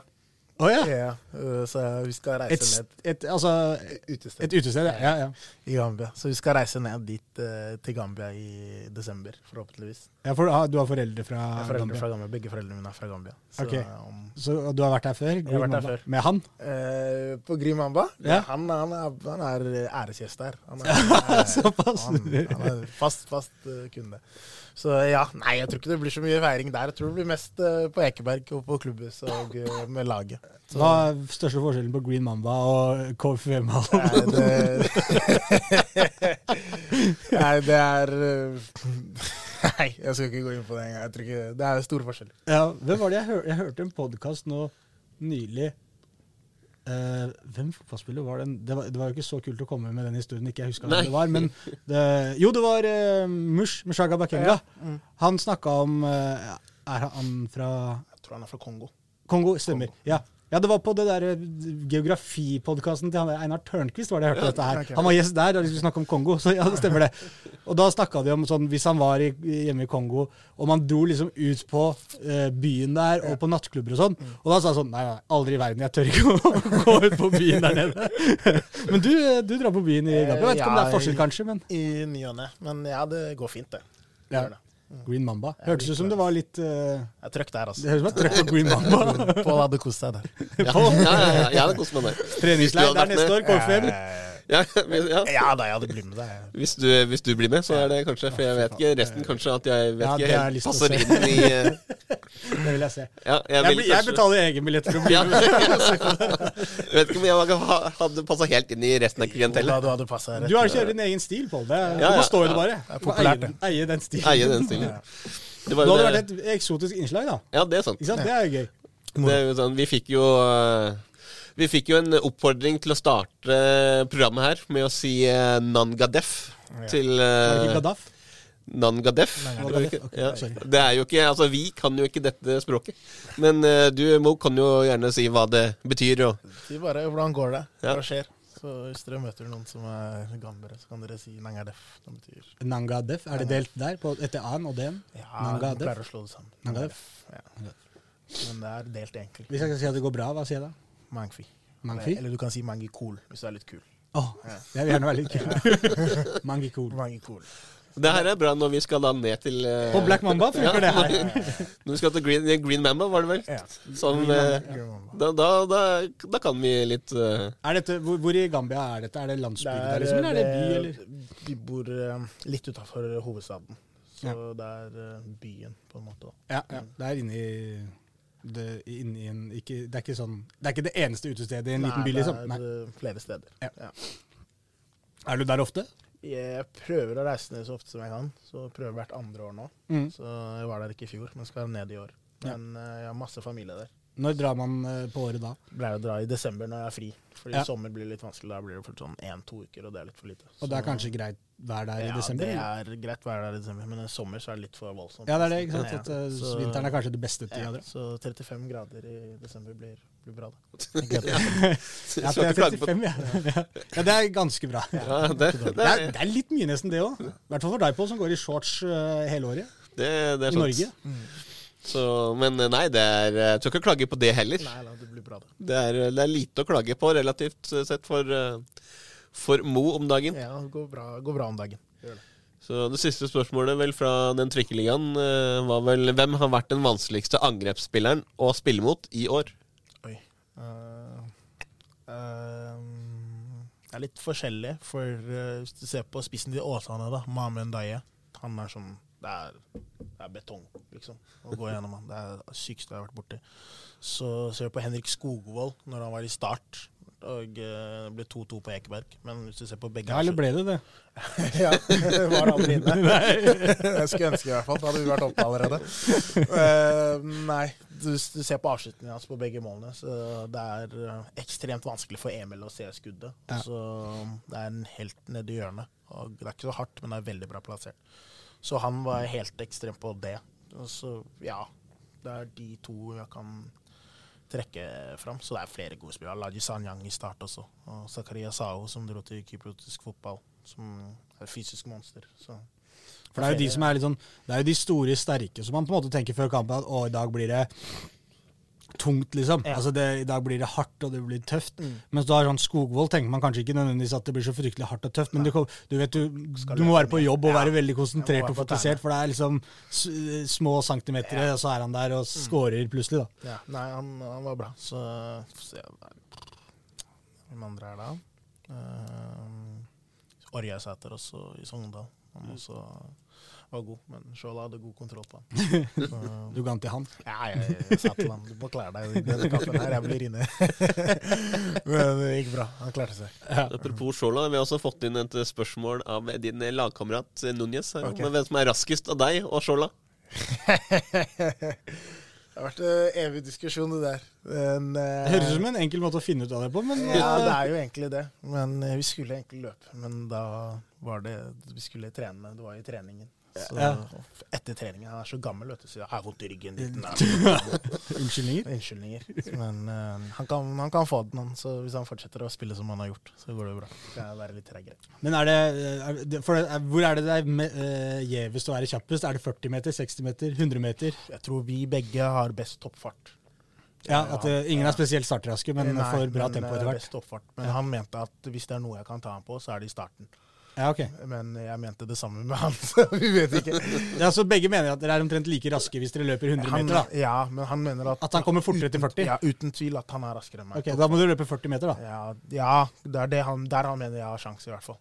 Men jeg er At du har sjans? Ja, han mener at jeg har sjanse. Ja, okay, nei, Da må du løpe 100, da. Ja, Ja. For meg, ja. Ja. Ja, jeg tror det, men han er også Men han mener vel at han slår deg på 100 også? ja, han mener at han slår meg på alt, nesten. Ja. så, Skal du løpe langt da? Fem mil, liksom? Han slår deg da òg? han, han kollapser. Ja, så, så du har best kondis og er raskest, og han mener det samme? Nei, han er raskest. Han kan få raskest, men kondis, det tror jeg Han løper mer enn meg i kamper, men på de løpetestene vi har hatt, så har jeg gjort det bedre enn han. fall. Eh, Ok. Ja. Det, det høres jo ikke så bra ut for deg, da. Ja, men Han har er litt dårligere kondis, men løper mer enn deg. Ja, er han, han spiller til høyre, ikke sant? Så det er litt mer løping Ja, sånn, der. Ja, ja. Han løper mer enn Tønnesen også, men jeg tror Tønnesen har bedre kondis enn oss begge. Uh, okay. Så ja. Bra. Har du noen flere spørsmål, Pål? Ja, ja, vi la jo ut eh, et bilde av deg i den eh, på Trikkelia-podkasten. Ja. Der du hadde et sånn slags eh, symbol. Ja. Eh, vi har jo altså, Vi diskuterte jo, lagde en sak på det her i ja, oppkjøringen i fjor. Ja.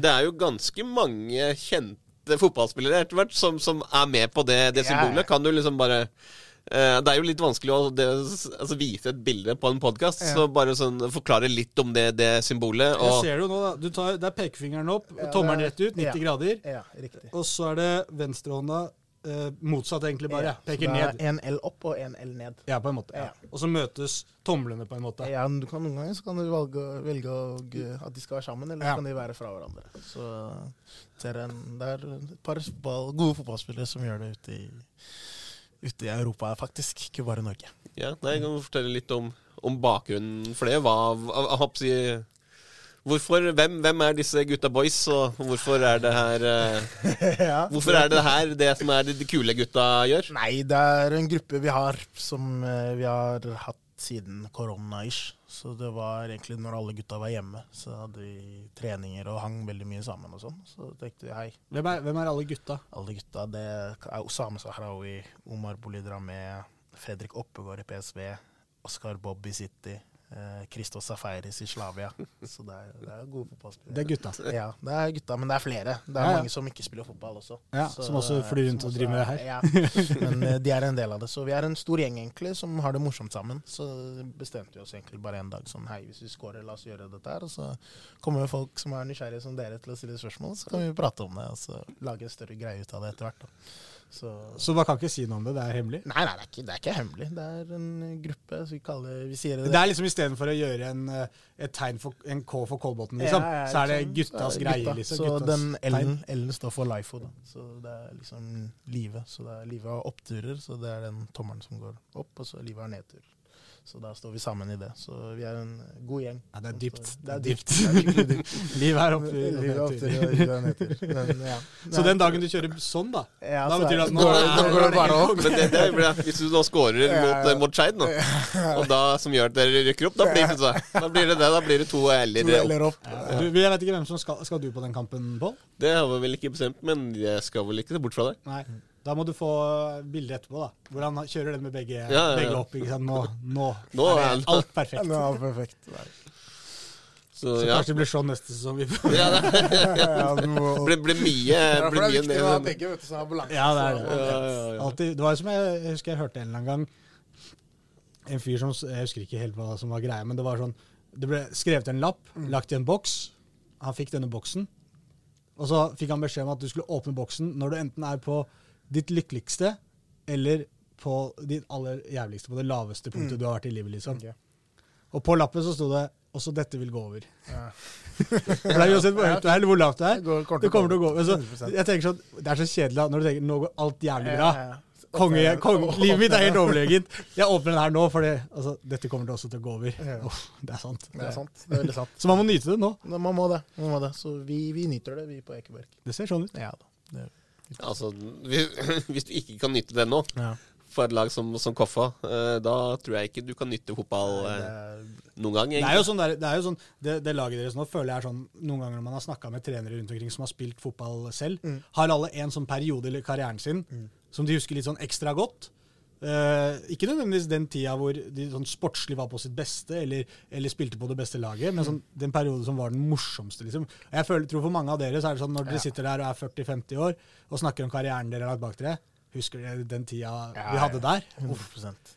Det er jo sånn Barnefotballen, selvfølgelig, den husker man jo alltid. Og Ungdomsfotball med kompiser og sånn. Mm. Men sånn etter det, etter at man har blitt proff også. Jeg husker Eivind Kampen i Kjelsås så snakka om det. Det laget han spilte på da uh, i Oslo øst, som ble til Manglerudstad etter hvert. Sa hvor sinnssykt gøy det var da de, den gjengen som spilte der. Og det var jo ikke et lag, ikke sant? Det var jo et lag som gikk konkurs, og det var liksom helt kaos, men det var dritgøy gjeng. ikke sant? Ja, 100% Og det er litt, så- litt så sammenlignbart, for det også var sånn, de spilte jo på Lambertseter. Det var liksom en sånn mye Oslo-folk. Sånn, sånn, når de, vi reiste liksom rundt der. Eivind selv er jo fra Hvor er han fra igjen? Ikke Brumunddal, det må vi ikke si. Nei, Da blir han sur. Han er fra Valdres, eller Eh, ja. Det er vel et eller annet sted, jeg husker ikke. Nei, samme det. Men i hvert fall, reise rundt med den gjengen, og liksom bare finne på kødd når man er på turer og ha det morsomt. Ikke sant? Det, man husker det for resten av livet. Det er jo et eh, annet relatert spørsmål fra din tidligere trener Isnes. her, Om man kan, eh, kan man oppleve hysjing mot skeidoksene til helga? Ref sist oppgjør på Sletta, når han også hysjet foran oksene. Nei, eh, historien bak det er jo Det er vel eh, Jeg står feilvendt opp i Jakob Romsås, så blir det frispark. Så skal jeg sende den tilbake til Fredrik Berge. Så gir dommeren meg gult kort. Så sier Jonny, han roper ut eh, 'ta et til og vær like dum sånn som du var mot Brann'. Og eh, det, det skal jeg ikke lyve. Det traff meg 110 Jeg traff han på direkte knappen. Han kom på innsida ja, der. Det, det gjorde han 100 og Det første jeg tenker, er jeg må score. Jeg må score, jeg må score. Og så er det en corner, og så går han på bak. Så header Simen inn igjen. Så header han på mål.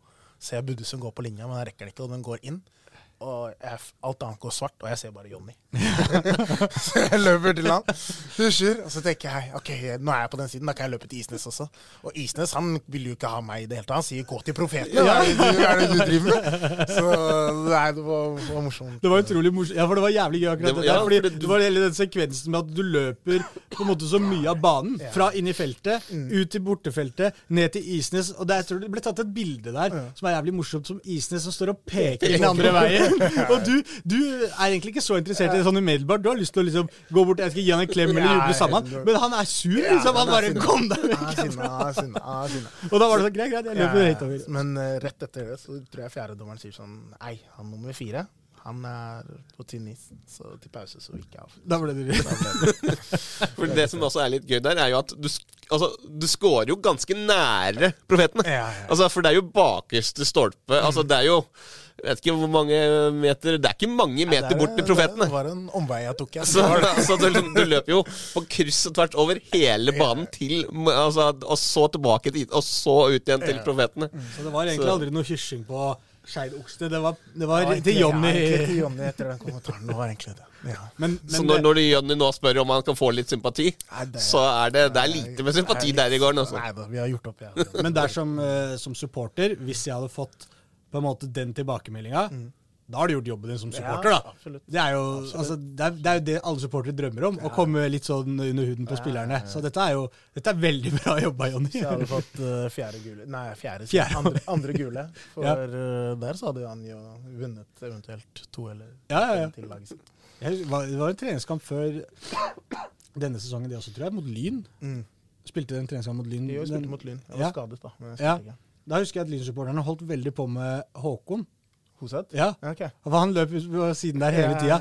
Og da, de om hår eh, Ja, da, tenk, da tenkte jeg sånn derre Da kjente jeg på det, for da sto jeg rett ved siden og tenkte sånn Hadde jeg vært fotballspiller nå Og det er sånn eh, hvis, det er, hvis det står 10 000 der, da. Ja. Da er det ikke så farlig for deg. Men når det står liksom 15 stykker, 10 stykker, det blir dem. så veldig sånn der personlig. Sånn der, har du gredd deg på hår i dag? Og, og sånn Staver du Håkon med Å, eller er det to a-er? Og bare sånn helt dustete spørsmål. Det, jeg hørte fra en eller annen som snakka om en keeper. Ja, vi, vi som var det, for jeg var jo oppe på Grorud, og der var det akkurat det samme. Fordi det var jo, Jeg husker ikke hvilken kamp det var, men jeg var på, på Gro- Grorud-kamp. Ja. Og da var det masse motstandernes fans som var sånn tre stykker, liksom. og alle var liksom bare sånne meldinger til, til keeperen. Om at han sto feil plassert, Ja, og han må komme seg ut. Og, Alt mulig rart. Og uh, så gikk du inn, og så sjekka de jo liksom lagoppstillingene, Sånn. Og så begynte de å rope på liksom uh, stopperne der og, ja, ja. og, og og sånne så ting. bytta da de side, og så bytta ikke dem side, og da var det ikke noe sånt. jo. jo, De gikk over. Altså, for de fulgte jo de, Og det er det jeg tenker sånn Når du står der i mål da, så er det sånn derre Det de sier, er bare piss. Yeah. Det er jo ingen er, altså, Men problemet er at det er så dustete at du begynner å tenke over det, faktisk. Sånn kan han ikke bare holde kjeft? Det er, det er så meningsløst, det han står og sier nå, liksom. Jeg skjønner jo at han, at han ikke prøver å mene noe konstruktivt med det. Kom deg litt ut og gå til høyre og gå til venstre. Men det, var, pla- det må være plagsomt. Når, det er liksom, Du har sånn to stykker som konstant driver og snakker til deg bak mål om at sånn Nå må du gjøre det, nå må På du gjøre Kjelsås også så har de jo ofte den der, eh, det er en gjeng med en del barn ofte på de kampene der også. Ja. Og der er det sånn, de kan jo stå veldig nære mål bak begge sidene. Ja. Og de også er sånn, som De- de er løper på, til begge sider. ja, ja. Og, og de er jo sånn, de kan jo være en dagen, så kan de være sånn der, keeper, du ser dritkul ut, og sånn. Mens andre dagen så er det sånn, keeper, du er stygg og feit, og sånn. Sånn. Keeperen vet altså, ofte så kommer bort og tar en high five, og så tar de den gjennom håret og sånn, ikke sant, kødder med de A-lagsspillerne. Det, er- liksom noen ganger jeg føler at de eh, på det andre laget blir litt sånn Ja, ja, 100% irriterende. Ja, selvfølgelig. Jeg tror Kristoffer Haugen, etter at de spilte mot Molde, han sa at det var noe av det verste han hadde vært borti Ja. med de, de barna på kjøpet. Så, så. Jeg, jeg sto der den- når du skal ned i garderoben der også. Mm. Der er det, sant, det er veldig mange folk som er samla rundt der. De hadde liksom sperra litt, men alle skal ned i det samme hullet der mm. i kjelleren. Uh, og så var det vel han uh, Berisha som gikk rundt der. Og så var det en kar fra Kjelsås, en litt ung fyr, som hadde med seg han skulle ha noen autografer sånn. Men han var liksom sånn derre uh, Han var liksom sånn kjepphøy type, liksom. Han var tolv år kanskje, da, sånn syvendeklassing eller noe. Ja. Men han var der helt aleine, bare sånn Berisha, kan jeg få drakta di, eller? Mm. Og Berisha var sånn Nei, sorry, det går ikke, liksom. Sånn, Berisha, kom igjen, da! Gi meg drakta di! og han holdt på sånn med alle som kom forbi. sånn Magnus, gi meg drakta di! Wolf, Wolf Eikrem, kom gi meg drakta di! Og alle måtte bare Nei, kan jeg ikke gi. Sånn, det er jo ikke irriterende, men det, sånn, det var gøy. Liksom. Det er morsomt at de barna er, de er på, liksom. Og de tenker ikke på noe er- Tenker ikke på hvordan de fremstår selv, liksom. De bare De kan sette det ut. Skal vi eh, bevege oss det- ut inn i runden, eller har du mer, Pål? Ja, et, eh, et spørsmål igjen. Det er eh, Hvordan var den første tiden med morgentreninger? Der har vi da fått eh, noen innspill om at eh, det var da en del forsentkomminger. Ja, det var det. Det var, det. Det var forsenkomminger, og det var bøter. Så det var annerledes. Jeg trente det var da 15.30 eller 4 i Moss. Plutselig så trente jeg oppmøte klokka ni. Så tok eh, litt tid å bli vant til det. Blitt bedre i år. Ja, det er jo kjedelig med sånn Komme seg opp om morgenen er ikke noe gøy. Nei, altså, vi er ikke spesielt gode på det sjøl. Nei. Nei men det er, det er jo noe alle lag liksom snakker om at det er viktig, da. Ja, det er, det er ekstremt viktig. 100 Kunne hatt det litt senere for Ja, ja. min del, men uh, veldig viktig. Og uh, de var eh, ble bedre, det. De har jo snakka bra om det. Jeg var ikke her når de trente på ettermiddagen, men de har skrytt veldig av det at vi trener på formiddag. Jeg merker jo forskjell når jeg også selv. Ja, og så blir det noe, det blir en annen tilnærming til det å spille fotball. Da. Det blir jobben din, på en måte. Ja, ja. Du kommer på morgenen og, og jobber, men det er jo det det går på. Det er, ikke, det er jo ingen andre grunner til at man skal trene på kvelden. Det er jo bare for at man må, enten så har man penger å kunne betale sånn at man kan leve av det, Ja. eller så har du det ikke. Og hvis du ikke har det, så må man trene på, på kvelden, liksom. Så det, det er jo egentlig det det først og fremst er. Det er jo et tegn på at det går bra økonomisk for dem. Mm. At man har, klarer å tjene litt mer penger. Bra. Men da, nå er det ikke noe problem å komme seg opp om morgenen lenger. Nå er du klar. Nå, nå går det greit. Nå har jeg blitt vant til det. Nå er jeg inne i rytmen. Bra. ja. Mhm. Kanskje ta en skjold for se på meg, så skåre. ja. Så stopperne, stopperne sleit ofte med å komme, Ja, eller? det var Ja, jeg og skjold. Så er det noen andre som har meldt seg på, men jeg skal la dem la De skal dem få slippe nå. De skal få slippe. Eh, da kan vi gå til eh, fotballrunden som har vært, da, for å prate litt om det. Ja, det er jo flere enn eh, en Koffa som er involvert også, selv om eh, det er jo åpenbart at eh, et eh, eventuelt opprykk for Koffa, som jo da sannsynligvis forhåpentligvis da kommer allerede til, eh, til helga, vil jo være det klart største som har skjedd i Oslo-fotballen det året her. I hvert fall med tanke på opprykk. da. Det er jo et eh, lag som vi sikkert skal komme inn på nå, som, eh, som sliter med Ja, det er Skeid hjemme neste, og så er det Start borte i, i siste, ikke sant? Ja. ett poeng eh, trengs Altså, eller Det kommer litt an på selvfølgelig hva Målforskjell. Med ett poeng, så hvis Kongsvinger begge kamp, vinner begge kampene, og vi får ett tap og en uavgjort, så er det målforskjell. Vi Ja. har fem bedre målforskjell. Ja, det er vel sånn Hvis, du ikke, sånn, hvis det blir målforskjell nå, og jeg tror det var Det kommer jo selvfølgelig an på hvor mye Kongsvinger eh, vinner. Mm. Ja, og, Men vi, og hvis, du Koffa, kan ba- jo hvis, da reise- Koffa ikke kan, eh, hvis Koffa må ha en uavgjort maks da, og ett tap, så vil de jo få minus i målforskjell Ja. i det tapet også, da. Ja. Ja, ja, men det er akkurat det. Altså, de Så det er ikke noe jo- sånn der, Hvis det er fem måls forskjell nå, så er det ikke spinnville resultater Nei, sånn sett. Kongsvinger skal levere. Nei, nei sånn, de kan jo uh, Altså hvis, hvis det blir uavgjort da nå i Skeid greier å, å få til det, så kan jo allikevel eh, eh, Koffa reise ned dit og, å tape. eh, og vinne, altså ta opprykket målforskjell hvis de ikke taper sånn 5-0, liksom. Ja. Så selv om du, altså, du reiser jo selvfølgelig ikke ned til, til start der og går yes, Nå skal vi snike oss inn her, tape 4-0 og vinne opprykket på ett mål. Ja. Men, eh, men det er liksom det, så det, det er ganske mye som Uh, Altså, Koffa har de jo i egne hender, og det skal mye til for at de skal rote det vekk her, men det har vi jo det har vi jo sagt en, en stund allerede, og det er jo det som er det sykeste. Altså, at si, Skeid rykka ned med, med sju kamper igjen å spille, det vel, var vel ikke så mange som så for seg foran sesongen. Eh, Håkon Thon, som jo tippa Skeid over Koffa på tabellen. Mens uh, at Koffa Jeg Koffa bomma der, jeg drømmer det. at Kaffa også skulle rykke opp, uh, og, eller være i den posisjonen som de er nå, og rykke opp ganske klart, det var det jo heller ikke så Altså, når jeg sa liksom at jeg hadde jo aldri Altså, det, det var aldri, aldri tvil liksom, når det er sånn Ja, hvem skal vi tippe? Nei, hvorfor er det klart beste laget. De kommer til å være der oppe der som de er nå, men at de har vært så bra som de har gjort, det er jo kanskje litt over all forventning. Så Ja, dette har vi jo sagt mange ganger, og Skeid er jo langt under det vi forventa òg. Det Ja, skal det- sies, det, det også. Jeg, Og Jeg hadde, det var ikke sånn Da vi, da vi tippa på det her, så var det ikke sånn Jeg er 100% sikker på at Skeid kommer over Koffa, liksom. Men jeg syns Skeid så såpass bra ut på slutten av forrige sesong, og det snakka jeg jo med Gard Holme da jeg møtte han nå for noen uker siden oppe i Tromsø, så ble vi jo snakkende litt om det, da. Men uh, det er klart, liksom mista Bergli, Napoleon. Markus uh, fikk ikke den uh, sesongen han hoppa på. Eh, litt sånne ting, da. altså det er jo sammensatt, da, men det laget dem så jeg tenkte liksom, Vi hadde Bendik Riise, han Torje Naustdal, gode pasningsføtter. Men de klarte liksom aldri de, de klarte aldri det som dere har fått til. da, Den derre trua på at dette er egentlig bra nok. De, de virka, ble bare mer og mer usikre. Eh, ikke sant? Det der, hele tida det halvsekundet for seint. Eh, du er ikke foran situasjonen til enhver tid. Sånn når du snakker om Castro, for eksempel, da, selv om du kom litt for seint der. Men så er det sånn du, frem, Her kommer det noe. Jeg er tett oppi med en gang. Der var Det litt, det virka som de begynte å kikke på hverandre. Skal jeg gå eller ikke? Og Det der sekundet du er usikker, så er det ikke noe verdi lenger. Da må du nesten bare bli stående, og det blir passivt. Altså det, det bare balla på seg for uh, Skeid etter hvert. Men de har jo egentlig eh, De skal få litt skryt, Skeid, for eh, etter at de rykka ned, så har de ikke liksom lagt seg ned for å dø. Da. De, de spiller fotballkamper fremdeles. Ja, det er blitt, eh, blir blitt vanskelig å slå også. Ja. De slo jo Sandnes Ulf 3-0, og så tapte de 1-0 nå. Og så tapte de 1-0 mot Bryne også, tror jeg det var, borte. Ja, det var helt på tampen der. Ja, Ja. så Så, det, Ja, da, da også, eller da mot, mot den kampen mot Bryne, så hadde jo Bryne enormt mange muligheter. Men, men det er litt sånn eh, Og det, det er ofte du ser det også, altså, etter å ha rykka ned, sånn, altså kampen etterpå mot Sandnes. Så, altså Det var den beste kampen Skeid har spilt i år. Da var de altså kjempegode. liksom Valsa over Sandnes Ulf, skapte masse sjanser, skårte altså, det var sånn, Hvorfor har dere ikke gjort det her tidligere eller, noe i år? Og så har de nå kommet litt mer tilbake igjen eh, til men vi har jo egentlig snakka en del om uh, første divisjon. Jeg tror vi skal ta eh, Kan jo nevne at de har spilt tapte 1-0 Fjerv, da. Det kan du få nevne. Takk. Da er det nevnt. Da er det 1-0 Fjerv. De uh, ga debut til uh, 17-åringen uh, Luca, var det det?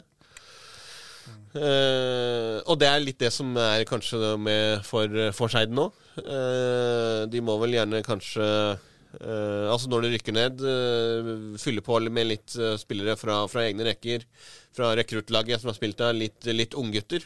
Eh, se hvem som, som, blir med ned, og stable et nytt lag på, på beina og starte litt som den her forny, forungelsen da, av, av, det laget. Mm. Eh, og se om de, de, klarer å rykke opp igjen uh, neste sesong. Ja, Det blir spennende å se hva Skeid egentlig, hva som skjer der nå. Det, det, lukter jo litt at det blir mye utskiftninger. Ja. og De har jo hatt mange på lån egentlig der, og det er en del som har reagert litt på det også. At de har hatt så mye lånespillere når de egentlig har hatt eh, som de alltid har. Mange mm. gode unge ja. spillere i den klubben der. Ja. Nei, de, jeg tror det er en del som er på utgående kontrakt også. Mm. Så, men det Skeid 2-laget, det er masse gode, spennende fotballspillere, syns jeg. Ja. Flere gode, kule, kule spillere. Jeg veit at det, var, det, har vært en del som har liksom prata litt om det, at hvorfor har de ikke gitt noen flere sjansen da, mm. derfra, istedenfor å hente inn folk fra Viking og Fredrikstad og sånn på lån. Ja.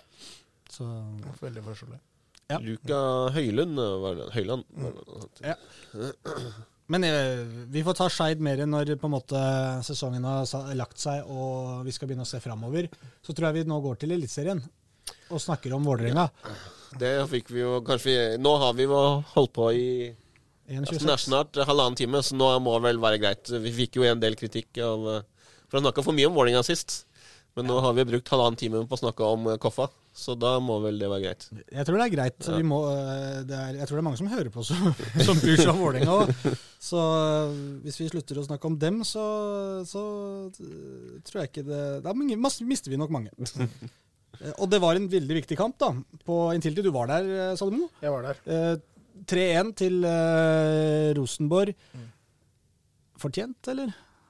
Ja, jeg syns uh, Vålerenga har mest ball, men de ikke jeg. Skal ikke drive og ut uh, drive og prate om hva de må gjøre osv., osv. Men jeg uh, syns uh, Rosenborg uh, er kyniske og skårer på det de har. Ja. Ikke så veldig mye i den kampen ellers, men de skårer noen fine mål. Så den siste dreper jo dreper Vålerenga. Da tror jeg de gir opp etter det 3-1-målet. Jeg tror du sitter igjen også etter den kampen her, hvis du er trener, spiller, supporter av Vålerenga og tenker at man ga det egentlig litt for lett fra seg. Ja. De to første skåringene der altså Åpningen på den kampen her var jo helt uh, merkelig. For det var, jo, det var, jo, ikke noe forsvarsspill uh, verken fra Rosenborg eller Vålerenga. Det var, virka som de kunne skåra det dobbelte de første 20 minuttene, halvtimen der. Mm. Vålerenga kunne jo fint skåret et ett minutt. Ja. Uh, det var en kjempemulighet til Petter Strand som satte den utenfor der.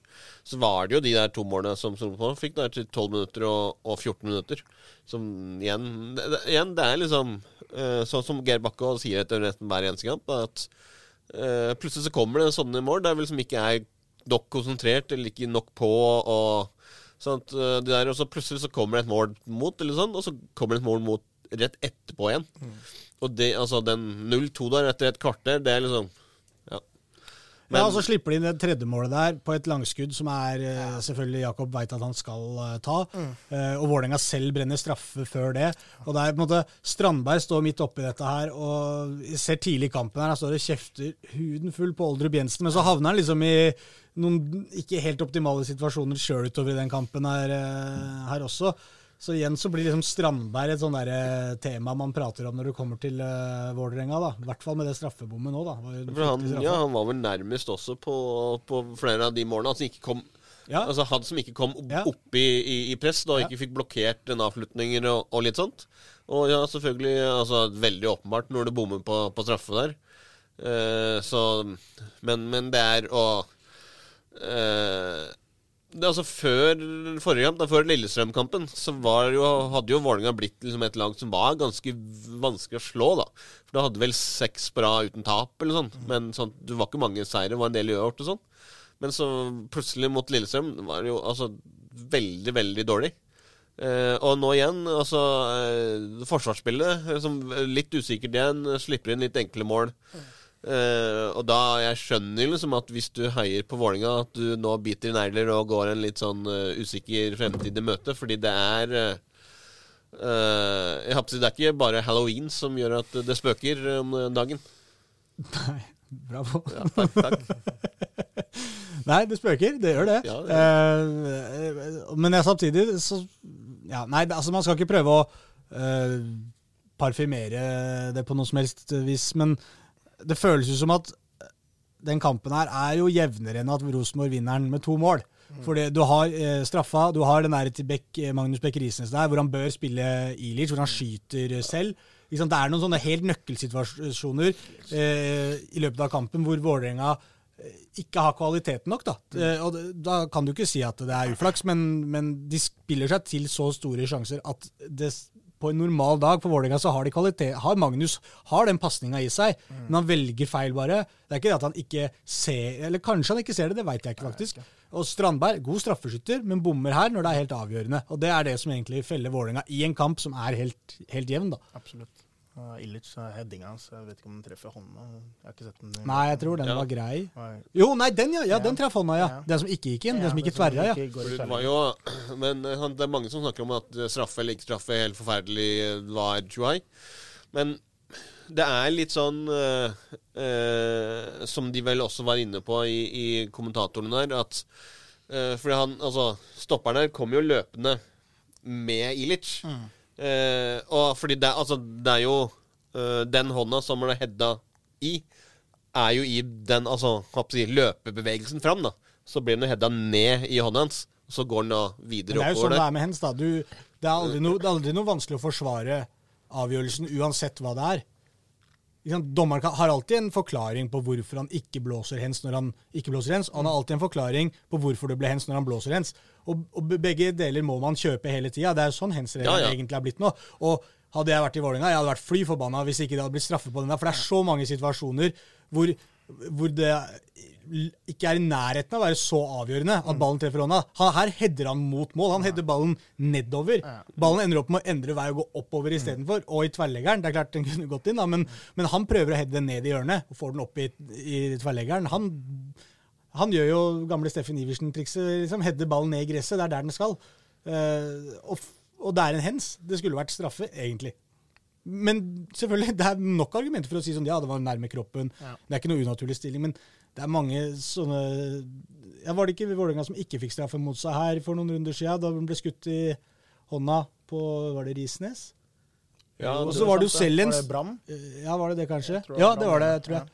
Og så var det eh, en annen eh, kamp her hvor det var et innlegg mot Sandefjord som traff en hånd. Og det ble altså det, Ja. det er bare sånn Hens er bare helt uh, Ja, det er vanskelig, ass. Ja, fordi Det er skikkelig vanskelig. ja, og det er sånn, Når det er et innlegg her ute, og han står, på, står nede i hjørnet på 16-meteren, ved dørlinja, liksom, og du får ballen så vidt opp i hånda på et innlegg, og den kanskje ikke stopper ballen engang, den bare får litt retningsforandring, så ja, det er straffe.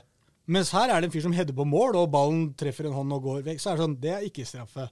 Så det er det jeg mener, Du kan argumentere for det hele tiden. Dommeren har aldri, dommeren har aldri feil når det kommer til hens. Det er det som er så rart. Det. Det er jo det som også er det vanskeligste, tror jeg. Ja, altså Både for dere som spillere, men også de som ser på. Det er den eh, Altså mangelen på kontinuitet. Altså at liksom En dag så er noe straffe, en annen dag så er det ikke straffe, og så en tredje dag så er det det som ikke var straffe før, det var straffe nå, og en fjerde dag så er det Altså, det er så veldig opp til den enkelte dommer å ha nesten dagsform og hvilken hvil- Hvilken hens-regel Han du kan jo gi deg hens bare fordi han ikke liker deg en dag. liksom. Ja. fordi at du har vært kjefta på han hele kampen, så plutselig så Det greit, det var deg, ja. Det er greit. Da tar vi en hens. Det ble en liten hens på deg der. ja, men eh, jeg, det er jo ikke, også Problemet med det er jo at eh, alle, alle har jo lyst til å få en avklaring på det, men det er jo liksom ingenting som Det er jo ikke noe optimal løsning heller. Det er sånn du kan si det er de to ekstreme variantene. da, som er, Du blåser ens på alt som er borti hånda. Da er det veldig enkelt å forholde seg til.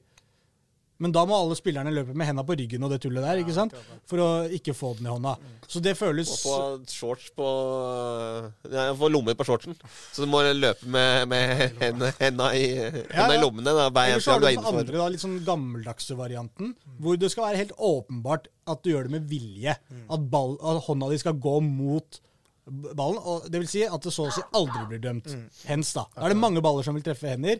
Da hadde ikke den situasjonen her nå uh, vært straffe i det hele tatt. Eh, For det- han prøver ikke å stoppe den med hånda. Det er tilfeldig at den treffer. Alle skjønner det. Det er veldig sjelden du ser en spiller aktivt prøver Jeg så det nå for ikke så lenge siden. Det var en eller annen som hadde en sånn liten tap med hånda. Liksom. Bakenga der i den Ja, Stabæk-Vålerenga Dro der. for Det var jo Ja? Det er altså, noen sånne der som de tar du da, Ja. men, men da blir det ingenting som dømmes for eh, en. Så det Ja, sånn er den reg- regelen en gang. Men det er det jeg mener Vålerenga har noen sånne situasjoner her som gjør at de, ja, de kommer på, ut på feil side ved to-tre nøkkelsituasjoner her, da. Og da er det to poeng ned til direkte nedrykk. Det er, eh, det er jo litt sånn Du kan jo se på det litt av begge veier. Altså, du har jo Sarpsborg nå borte. Vrien kamp. Sarpsborg, eh, lag som du aldri helt veit hva eh, kommer med. Kan være dritgode, kan være ikke så gode. Men så har du jo liksom de to nøkkelkampene som er igjen. Det er Stabæk og HamKam. Stabæk hjemme og HamKam borte. Eh, Der kan du liksom se på at eh, ja, Vålerenga har liksom i sine egne hender, kan vinne de to kampene, kan fikse det, liksom. Stabæk eh, kom i ganske god form med, med Bob Bradley. Nå fikk jo vår tidligere pod-gjest, Kjelsås-spiller Rasmus Engen Winge, skårte sitt første mål han også nå i Ja, kjempefin skåring. Dra seg inn fra sida, sette ballen i mottatt hjørne. Veldig bra skåring.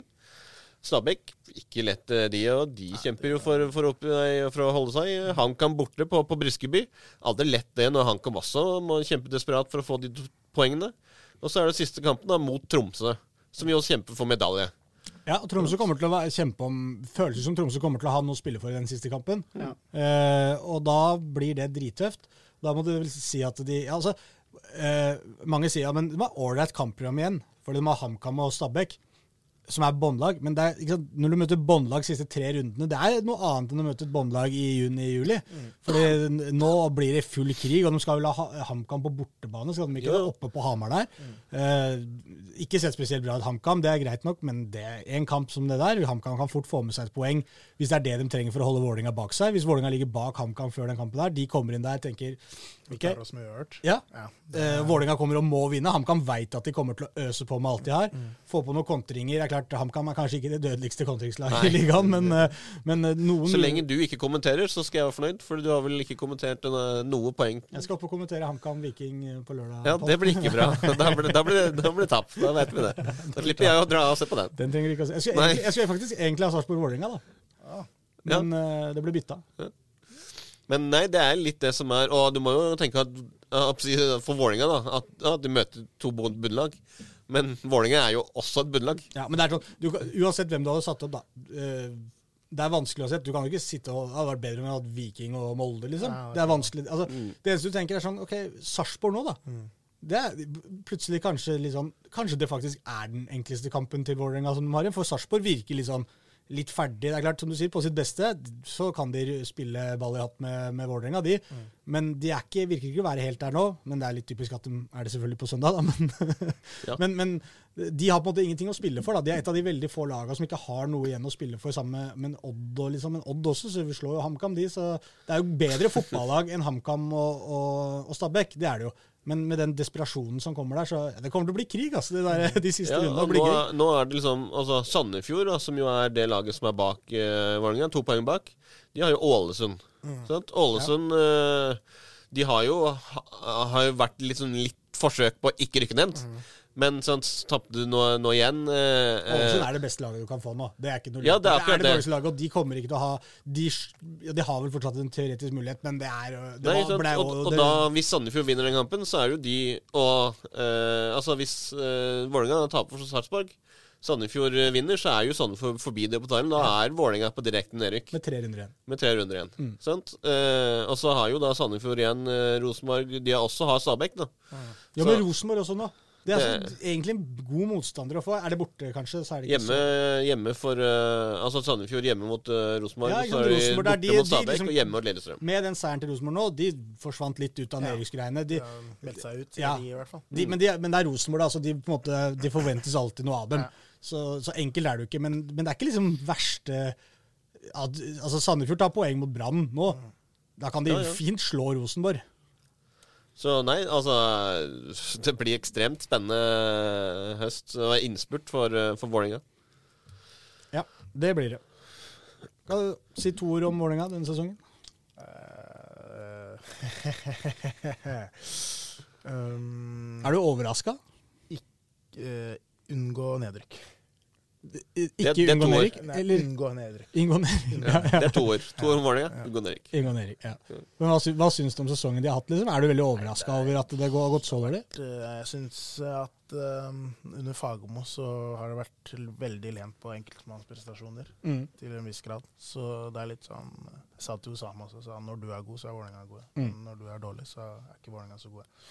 Så når man starta med det nå, med litt andre typer kanter som ikke har det ferdighet, ferdighetene til Osama, så blir det trøblete. og Da måtte Fagermo ryke. Så nå med Geir Bakke så er det litt mer for sånn solide og trøkk og eh, solgte litt spillere i sommer og henta Illich og Bitre og litt mer sånn solide pondusspillere. da. Mm.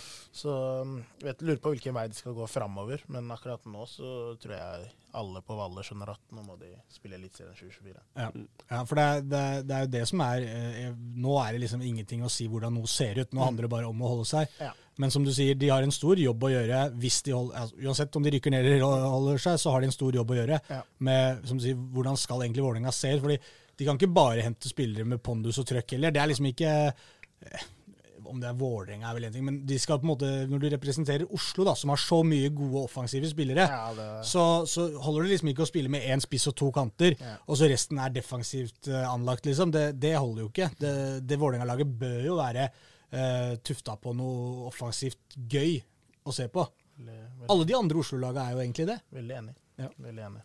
Absolutt. Så, Så det, det de mangla i år, var egentlig bare at Boli ble eh, Ja, skadefri ordentlig og fikk spille litt mer. Det hadde hjulpet dem. Det hadde det. Nei, men en uh, frisk Omar Boli, det tror jeg det må hele Fotball-Norge glede seg til å se. Ja, Jeg, jeg, noen har jo fått sett han en del, da, men, eh, men sånn, vi snakka om det før sesongen her. Vi har snakka mye om Boli, føler jeg, hele år. Men det er fordi jeg, før sesongen så satt jeg sånn åh, jeg gleder meg til å se han i Eliteserien. Endelig skal jeg få se han i Eliteserien. Det kommer til å bli så gøy. Mm. Eh, og, og interessant, da, fordi jeg var sånn Jeg var ikke sånn helt 100% sikker på at å, han kommer til å komme inn og bare frese forbi alle, sånn han tidvis har gjort i Obos-ligaen noen Mm. Ja. ganger med Grorud. Mm. Men sånn Hvor bra kommer han til å se ut der, på en måte? Jeg hadde lyst til å se han opp mot de beste, i landet, de beste forsvarsspillerne i landet. Akkurat det. Nei, det her um, Det er et ekstremt høyt nivå på han. Ja. Så jeg tror han hadde takla det veldig, veldig fint. Men uh, Det er det jeg også tror. Men han, men han får jo stadig litt pepper for at han ikke er god nok defensivt. da. Det, Men som jeg sier, han er jo perfekte spillere å ha eh, å kaste innpå, da. Ja, Eh, så- egentlig, Det er jo der han egentlig kanskje skulle vært denne sesongen, her, hvis han holdt seg skadefri. at det, Kamper hvor Vålerenga sliter, hvor de ikke fikk til noe. Det var jo mange kamper under Dag Eile Fagermo hvor du følte Vålerenga sto og stanga. Mm. Og der er han jo perfekt, hvor han går rett inn, drar av en mann, prøver i hvert fall. Ja. Kanskje han ikke får det til, men det begynner å skje noe med en gang han kommer på banen. Absolutt, og de mangler litt den X-faktoren. I hvert fall i starten av sesongen. Veldig synd at han var suspendert, eh, egentlig. Så Ja. spilte han andrelagskamp, så ble var det noen som takla ankelen hans. Så Ja. var han ute da. Så han har jo vært uheldig også. Ja. og Jeg føler at han, når han spiller på Vålerenga 2 Jeg har sett noen kamper med han der. Han er OK, liksom. Men jeg føler han han går bare og venter på å spille Eliteserien. Det, er liksom, det er det som kler han. Det er det som kler han. Ja, det er jo det. det. er vi veldig enig. Det er, sånn, er det én spiller jeg virkelig vil ha sånn Få et intervju med Omar Bolli etter at han har spilt en dritgod kamp i Eliteserien. For han begynner å melde. ikke sant? Han, og ikke han begynner å snakke om seg selv. Altså, jeg har jo kalt han litt sånn Norges Zlatan på en måte, i hvordan han svarer for seg. Liksom. Han snakker om seg selv i tredjeperson og er litt sånn Bolli skal bli den beste. ja, du, og du sånn har som, en sånn intervju med ham hvor han var helt overlegen. bare, Bolli, når han kommer inn, så blir det kaos med en gang. liksom. Han bare, bor Kaos. Han Det er litt sånn som de der gutta boys som vi har i Tromsø. der, Jo Paintsil og Jakob Napoleon Romsås. Ja, men De sitter jo bare og fniser og ler, liksom. Det er ikke Ja, det ja, samme det, de er, det er herlige gutter, men er, Bolli er noe annet liksom enn alle andre. Han er liksom Han har så selvtillit, da. Selv om han ikke har spilt nesten et minutt til. Eller har han, han spilt Kom inn på Han kom inn mot Bodø-Glimt, Ja. så han har fått debuten. Men, ja. det, Men det har ikke blitt mye minutter. Nei, det er ikke det. Ikke nok, og jeg tror nok han vil ha mer. Ja. Men han er klar, nå sliter han litt med kneet sitt. tror jeg. Så Ja. jeg tror han er klar til neste sesong. Men eh, 100 jeg gleder meg til å se han klar og fit for fight. Ja, det har vært gøy. Mm. Og morsomt hvis han får uh, Mulig dere møter hverandre òg, da. Det kan godt hende. Ja. Så- Da er det du som skal stoppe han. Du veit vel hvordan man gjør det. Nei, det er jo det er vanskelig. Altså. Vi hadde Det som er med han, jeg føler ofte sånn Hvis han, han prøver å drible en mann, mm, kanskje ikke lekreste måten, men han får med seg ballen forbi på en eller annen måte. Og så jeg føler han spiller mye fotball på knærne, hvis du skjønner hva jeg mener. Sånn liggende. Ja, og så kommer han seg opp, og liksom Og så drar han plutselig opp en syk finte. Og så er han forbi en mann til, og så tenker du oi, det var jo plutselig det raidet han er på gang med Så her. er det, så er det plutselig tre-fire spillere borte. Ja, for det er den kombinasjonen av teknikk, men også viljen. Ja, Han har så ekstrem vilje. Absolutt. Nei, Mister han ballen, det er det verste han veit i hele verden, ser det ut som. Ja. Nei, vi hadde i, um, Før denne sesongen, i desember, så var jo alle gutta hjemme. Så da hadde vi sånn turnering, sånn syverfotball. Ja. Da valgte jo de oss Life og oss gutta. Vi hadde meldt på lag. Og eh, vi vant den cupen, for å si det sånn. vi vant den cupen, Men eh, når vi hadde Osame, Kristos og Bolly og de gutta der det Og spesielt, eh, altså, for det var jo sikkert en innendørsturnering, men Ja. de gutta her alle har jo ekstremt god teknikk. Det er akkurat det. Sant? Og når du da, men og så tror jeg liksom også dere vinner veldig mye på det mentale. Ja. For når du ser at spilt en kamp. Ja, nei, for når du ser at uh, liksom, i innendørs, liten bane. In, kunstgress, faktisk. Er bilder fra det her. Så ser jeg Magnus Sjøeng i mål. Ja, sånn, er, det- men er det elver eller Det syver? syver. Syver var det du sa. Ja. Så- så Bare tenk deg en syverbane. Christos Safaris han er jo, må jo være overalt hele tiden. Det er helt forferdelig. Men også, det er liksom bare motstanderlaget. Som bare sånn Ja, ja, det blir gøy. Skal vi se hvem vi møter. Å ja, faen, det var det, ja. ja. Det er jo morsommere hvis det er lag. Jeg vet ikke hvem de andre lagene som var der. Og- Det var noen andre. Elias Hagen hadde med et lag, med Sadik Elmi fra Grorud. Og, Å, ja. ja, så det var, var greit nivå på den eh, cupen. Ja, Morsomt det hvis det hadde kommet et lag som ikke ante hvem dere var, på en måte. Ja, det, så, Nei, de fleste visste det. Så det var uh, hele hallen mot oss. Ja, det var det. Når vi slapp inn mål, så var det enormt. Men det gikk heldigvis hele veien. Så det gikk bra. Bra. Eh, hvor skal vi ta turen? Andredivisjon? Andre divisjon kan vi vel ta det nå, for da har vi vel dekka Vålerenga nok og første divisjon. Ja. Der er det jo fortsatt et enormt eh, drama eh, mellom eh, Lyn og Egersund. Eh, Lyn eh, sleit jo lenge nå mot, eh, mot Vard. Det var ingen, ingen god kamp, det. Vard tok ledelsen etter et kvarter. og så holdt det helt fram til eh, 65. minutt, når Anders Bjørntveit Olsen utligna. Og så var det jo det som har skjedd med, med Lyn da, så mange ganger i år, at eh, Ole Breistøl var vel nå som eh, den København-pendlende kantspilleren. Som dro opp et uh, kremmerhus av en annen verden oppe i krysset der. To-tre minutter på overtid. Bra scoring. Ja, ja, altså det er en helt ellevilt bra, bra scoring. Skåringen er fantastisk god. Men, men det er det Jeg vet ikke hvor mange ganger, ganger vi har sittet her og snakka med, med Lyn, om å- som at de, de greier å finne det målet der på overtid. da Det er jo Opprykkstakter, da. Ja. Så han jo mot Vålerenga 2 også. Elvevold skårer. Så de er eh, Når man kommer inn i den flyten Vi hadde det litt, vi også, mot Bryne når det er 0-0, Ja. og så kommer Jonas El Abdelawi. Så det, det er sånn man rykker opp, til syvende og sist. Fredrikstad så det- den, Ja. den kampen var eh, Og det, det er så ekstremt viktig for, for Lund. Altså bare holde på det momentumet der. Hvis, hvis det hadde blitt Hadde blitt 1-1, da. Men du, det er jo det vi har snakka om litt tidligere. og, uh, vi drar jo gjerne opp de kampene som var like etter sommeren der, hvor de vippa alt i sin favør i tre-fire kamper på rad de siste ti minuttene. Mm.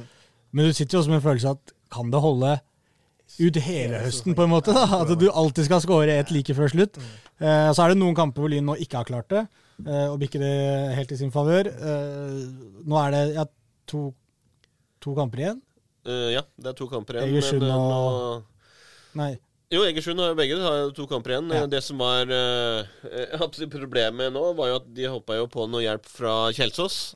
Det fikk de ikke. Og den hjelpen kom ikke. Så sånn, det er jo Kjelsås de er ferdig med sesongen, de. Det var cup, i år. Cup, ja, fordi altså, Det som også har vært med, med Kjelsås Kjelsås pleier jo som regel å være et ganske godt defensivt lag. Ja.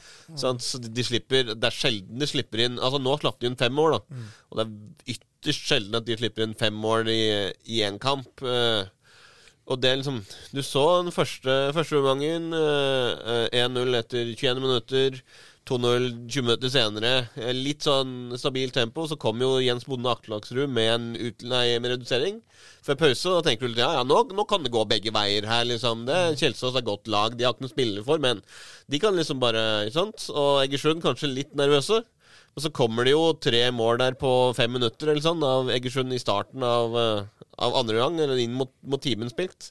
Og det er da du tenker liksom Kjelsås er jo ferdigspilt, så det liksom, betyr det så mye for de. Altså Hadde de gjort det samme Hadde de sluppet inn de fem målene der på Nei, tre målene på fem minutter der tidligere i sesongen Det, det er jo selvfølgelig Nei, nei, veldig vanskelig å si. Nei, ja, selvfølgelig, så men sannsynligvis ikke. Nei, det er akkurat det. Og det er jo altså, for de som sitter eh, hjemme og heier på Lyn og, og heier på Kjelsås, holdt på å si. Jo, men sånn er det jo, da. Ja, ja, ja, men sant, og det er jo, det er jo hele grunnen da, til at nå leder jo Egersund tabellen igjen. Før kampen så var det jo Lyn som leder på målforskjell. Nå er det jo Egersund som leder på, på målforskjell. Eh, eh, Egersund har 40 pluss 40, Lyn har pluss 39. Og det er jo sånn det kommer til å bli. Sant? Det er to kamper igjen. Eh, hvis begge to vinner den, så er det målforskjellen som avgjør. Og så er det jo den, den tredje kampen her, som jo var veldig viktig for de lagene her, er jo med Brattvåg-Vålerenga. Og det er jo nettopp fordi hvis uh, Vålerenga vant den kampen, så hadde jo de jo berga plassen. Mm. Og da er det jo sånn at da kan jo de spille for, altså, Egersund har jo Vålerenga 2 neste, neste runde. Og det er liksom Hvilket lag spiller Vålerenga 2 med der? Ja, Men Vålerenga 2 hadde nok spilt med et eh, juniorlag i den kampen nesten uansett, tror jeg. Ja, ja det, det, er jo en jo, det, er mulig. Eller Men liksom. resultatet i den kampen altså, Fordi ja, Vålerenga 2 kom jo tilbake igjen. Mm. Eh, de havna under 0-2, eh, kom jo tilbake igjen, fikk 2-2 etter et frispark uh, der, og så slapp de inn mål helt på slutten. Men, ja, men, et poeng der også hadde jo vært veldig viktig for, for Vålerenga 2, så mm. det er jo liksom Hvis Vålerenga 2 Nå er det jo det heldigvis da Så får Vålerenga hjemme, da. Fordi det gjør jo at selv om de jo Uh, andre, altså Andredivisjon spiller jo dagen før eliteserierunden. Mm. Uh, og det gjør jo at selv om du da er uh, altså det, det, kan hende at de spiller liksom Noen av A-lagsgutta får, får, en omgang eller får spille Kan, kan ikke gi dem 90. Nei, nei, det kan de ikke. Altså, det får de ikke. Men, men hadde de vært borte, da, så hadde de sannsynligvis kanskje sendt et rent juniorlag. Ja. Ja, og da kan, kunne det, de jo tapt 11-0 fort. Men siden det her er hjemme, og Vålerenga fortsatt er avhengig av poeng for å, å berge seg, så kan det jo hende at Vålerenga 2 stiller litt sterkere enn de kanskje ellers ville gjort mot Egersund, og da ikke får så mange mål Egersund, da. Mm. Ja da, men uh, nå stilte jo Vålerenga 2 ja, For jeg så på denne kampen her i går. Eller det jeg klarte å se, det var noe trøbbel med direktesportsendinga, så det var ikke så lett å få med seg Nei. samtlige 90 minutter der. Men de stiller jo med, de stiller jo med ti tenåringer fra start, mm. borte mot Brattvåg som er eh, eh, ja, et båndlag, men ja, også et lag som har blitt mye, mye bedre den siste tida. Mm. Så, og det var liksom 2-0 til, eh, til Brattvåg der vel før det var spilt halvtimen. De hadde en i stolpen. Brattvåg hadde full kontroll på den kampen der, og Vålerenga 2 virka egentlig Ok, det var sånn de kampene som Vålerenga 2 med det juniorlaget sitt har hatt denne sesongen, det har vært tøft. Men så kommer de ut i andre omgangen, og plutselig så er det en helt jevn kamp. Og de får, som du sier, én og to skåringer. Uh, han Shahid skåra vel sitt første seniormål. Ja, Osnes Ringen var Mohammed som skårte på Osman Shahid, heter han vel. Ja. ja Osnes Ringen som vel skårte på det frisparket. Uh, Osnes Ringen skåra på et frispark, og da hadde de 2-2, og så varte det var ikke veldig mange minutter før eh, Brattvåg satt 3-2. Det vil jo si at Vålerenga 2 er i akkurat samme situasjon som Vålerenga sitt A-lag. Mm. To poeng unna av eh, direkte nedrykksplass. Og da er det riktignok noen lag imellom der for eh, Vålerenga 2, men Eh, med Egersund i den neste også, der blir det jo ikke noe poeng. Så jeg, jeg tror ikke egentlig de, altså, jeg tror ikke Vålerenga egentlig kommer til å stille med så særlig A-lagsspillere i den kampen. Kanskje, som du sier, fordi de har hjemmekamp. Og det Nei, de har ikke hjemmekamp. Jo, jo, de har hjemmekamp på Egersund. Kanskje... Ja, men A-laget spiller jo De spiller i Sarpsborg, ja. Ja, ja. Så det er ikke så ille. Nei, nei, nei det er liksom altså, Men jeg trodde jo at de kom til å stille med litt sterkere lag i den kampen her. Mm. Ja, For dette var jo en mandagskamp, og A-laget hadde spilt uh, i helga liksom dagen før.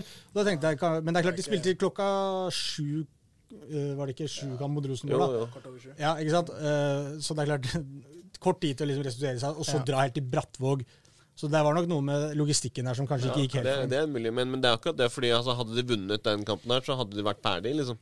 Ja, ja. Så, men, men, det er jo også en sånn De har jo Ålesund 2 i siste serierunde. Ja, det er akkurat det, og derfor tror jeg at det, kanskje de ikke tar sjansen. Altså, når det juniorlaget der klarte seg så bra mot Brattvåg, eh, kanskje de kan stå imot mot Egersund til en viss grad. Mm. OK, vi får se. Eh, og så har vi jo en Ålesund 2, og sikrer vi det der, liksom. Ja. Ja. Det, men, men, det er altså Ålesund 2 hjemme, eller? Uh, nei, det er Ålesund 2 borte. Okay. Ja. De spiller jo nå mot Egersund hjemme. Men, men, det er liksom uh, Vålerenga selvfølgelig må jo berge plassen selv, men, men, det har jo så mye å si både for Lyn og Egersund. Hvilke lag, altså hvilket Vålerenga 2-lag som stiller opp i den kampen. Ja, ja, ja. Uh, fordi det er jo sannsynligvis uh, Altså Hvis begge lagene vinner sine kamper, og det, det er det jo gode muligheter for, så er det målforskjellen som blir helt avgjørende. Mm. Og, og det var jo det vi snakka om, at den kampen der mellom Egersund og Vålerenga 2 er fort det som avgjør det i Egersund sitt, sin favør. Mm. Men det er avhengig av at de vinner begge kampene òg, Egersund. Ja, det er akkurat det. Men så er det kanskje litt bedre for Lyn at Vålerenga 2 ikke berger plassen, for da kan det jo, som du sier, altså, eh, hende at det, det er litt for sterke Vålerenga 2-lag, ikke et rent juniorlag. Mm. Men det, du sa Mo, at, uh, at det at Lyn skårer disse seine skåringene sine og sånn, at det er uh, opprykkslag, som du ja. sier, litt sånn som Fredrikstad har gjort, mm. og, og, dere har gjort, for så vidt. Mm. Men tror du Lyn går opp? Uh, hvem er det de har igjen, da? Eh, skal vi se, Lyn har igjen de har Det er helt likt på poeng? Altså er det bare Ja, det er bare Ja, målforskjell. De har igjen eh, Notodden uh, nå borte, og så er det Fram hjemme. Ok, ja, Det er tøft, begge kampene, syns jeg. Fram også kriger om å ikke rykke ned. Ja, de, Så, Notodden har vært bra i år. Og Egersund har igjen uh... Egersund har igjen uh, De Vålinga har nå. Vålerenga 2 nå i uh, den kampen her, og så har de Var det de siste? Ja, på hjemmebane, skal vi se. De har altså Vard hjemme, ja. I siste gang. Da tror jeg Egersund går opp. Ja, for jeg, altså, ja. Mm. Eh, men jeg, jeg har jo altså, hele sesongen Jeg tippa jo Vålerenga Lyn på andreplass og vinner på opprykk. Og det uh, Men det, det er jo litt det vi, vi diskuterte jo litt den Fram-kampen til Lyn også. Eh, sant? Fordi Fram ligger jo nedi der. De har jo nå Ørn Horten borte. Taper de den, sant? Så, så kan det jo være sånn at Fram er hvis, eh, hvis Treff og, og Vard da eh, vinner sine kamper eh, her Vard har jo har fløy nå. Eh, treff Ålesund 2. Sant? Det kan gjøre at eh, Fram ikke har noe å spille for den siste kampen mot Lyn. Får Lyn da to-tre kjappe der, kan jo Lyn plutselig vinne den 7-0. sant? Mm. Så, så det, Ja, det, til, det kan bli jevnere enn man tror, men jeg også har jo hatt litt sånn følelsen av at Altså Det blir utrolig spennende å se da hvor legger til grunn at Egersund slår Vålerenga 2, men med hvor mye, på en måte. Mm. For eh, jeg tror egentlig at både Lyn og Egersund vinner begge de to siste kampene, så alt avgjøres egentlig av hvem som skårer mest mål. Ja, akkurat det. Så, Og, det, og det, som Pål sier, hvis du får en tidlig scoring kontra at det tar lang tid før den første kommer, og litt sånne ting da, Hvis Vålerenga 2 står imot Egersund en halvtime, kanskje hele første omgangen, kanskje Egersund bare leder 1-0 da. Kanskje ikke de står med mer enn 3-4-0 til slutt. Ja. Og det kan Lyn fint matche mot Fram i en siste kamp der. Hvis de får en tidlig skåring etter ti minutter, kanskje går til pause med 3-0, og veit at vi trenger bare to til nå siste. Men det er klart, de skal ha Vard i, i siste Egersund. Og det, de ser ikke så veldig bra ut nå, dem heller, så det er sånn eh, Ja, det kommer til å bli kok, det der. Det Ja, det blir enormt spennende. Vi kan jo ta med for sikkerhet, uh, sikkerhets skyld, holdt på å si. Grorud eh, igjen, dårlig kamp. Tapte 2-1 for Ålesund eh, 2. Så det er jo liksom at eh, Grorud han, eh, Altså, han var eh, fly forbanna forrige gang, Alrek. Han var nå neppe spesielt mer fornøyd med det her. De møter nå Arendal hjemme. Vålerenga 2 har da Egersund, mens Kjelsås har Brattvåg hjemme. Skal vi ta en kjapp sveip på, på, på Ullern. De rykka jo ned forrige Altså ikke den, denne helga, men helga før. Tapte for Ullkisa. Nå var de borte i Halden og tapte 4-1 for Kvikk Halden. De har Sotra til helga. Uh, og det bare, bare for å avslutte med Lyn.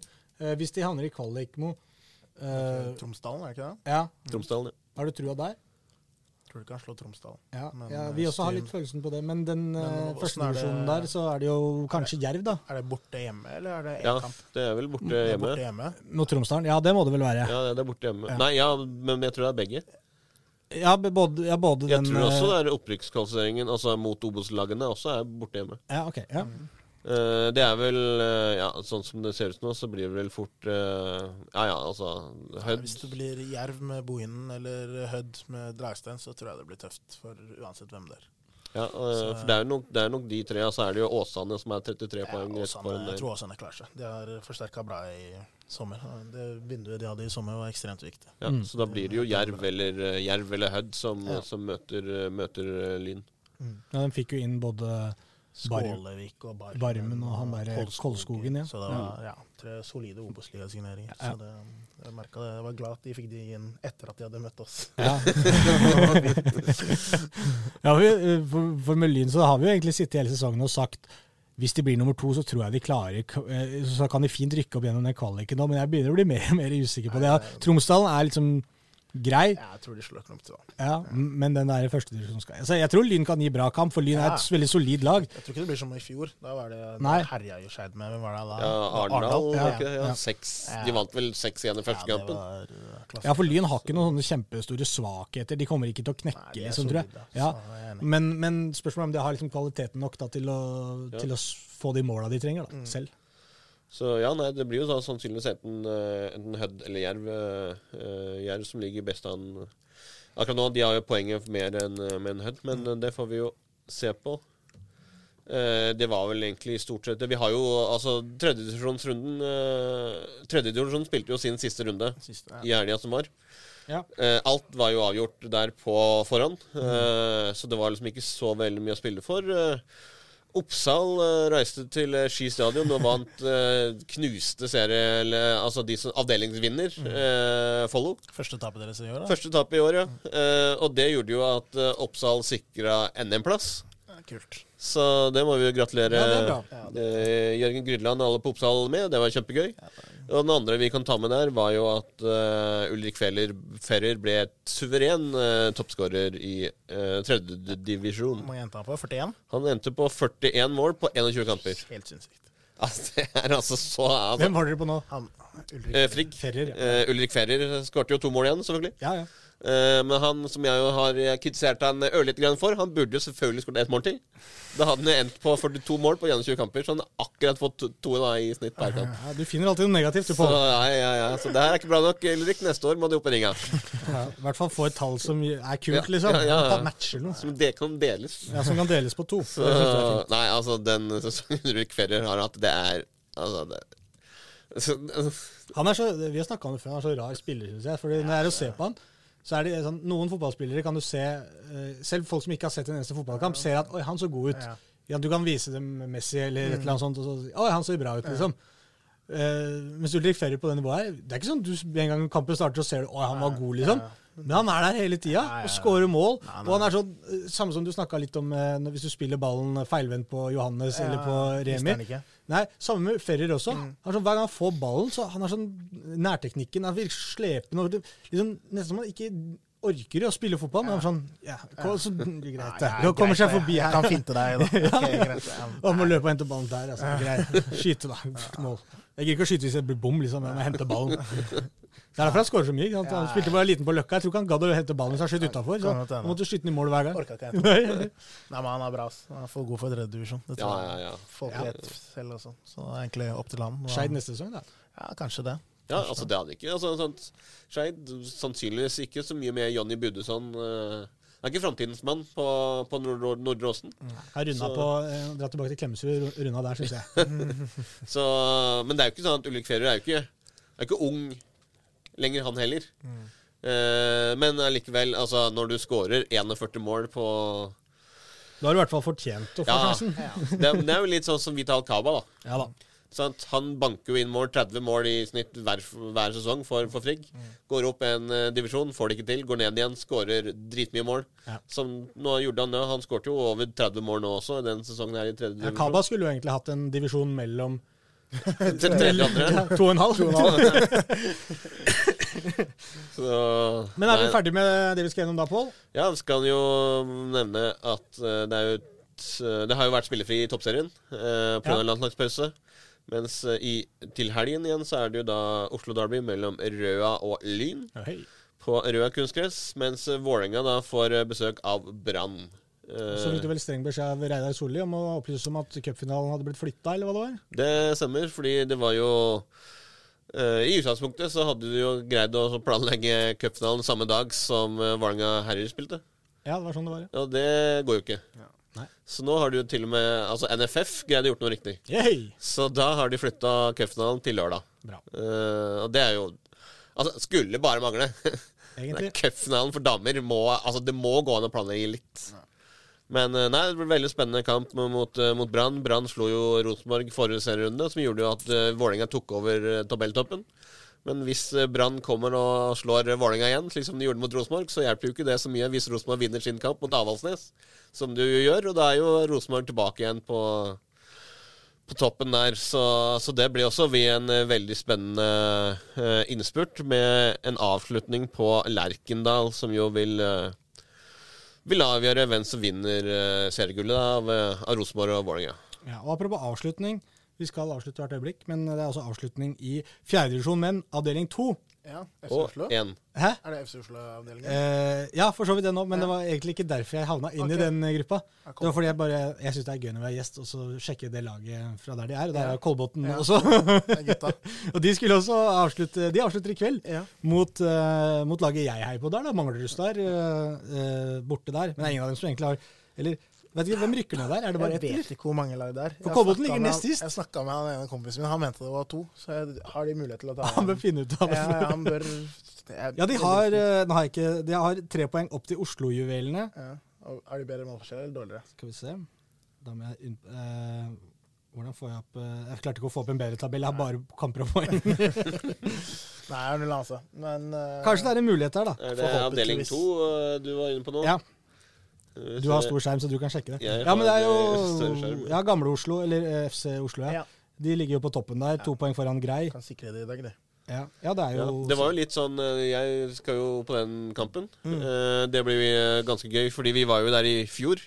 Da også kunne du jo bare Ja, sikre det. ja. ja. Det gikk jo ikke. Det røyk jo, det opprykket røyk jo for uh, de, deres rekruttlag, Koffa 2, Ja, på overtid uh, der. Uh, og nå trenger de jo eh, sannsynligvis bare Altså, det, det greier seg jo med uavgjort, siden de jo leder med De har 20 måls uh, målforskjell bedre. ja, det Mens, eh, så det går, uh, det går fint. Uh, Kolbotn har minus 47, mens Oslo-Gjøvle har minus 53. Ok, Så hvis så- seier, så er det mulig, da.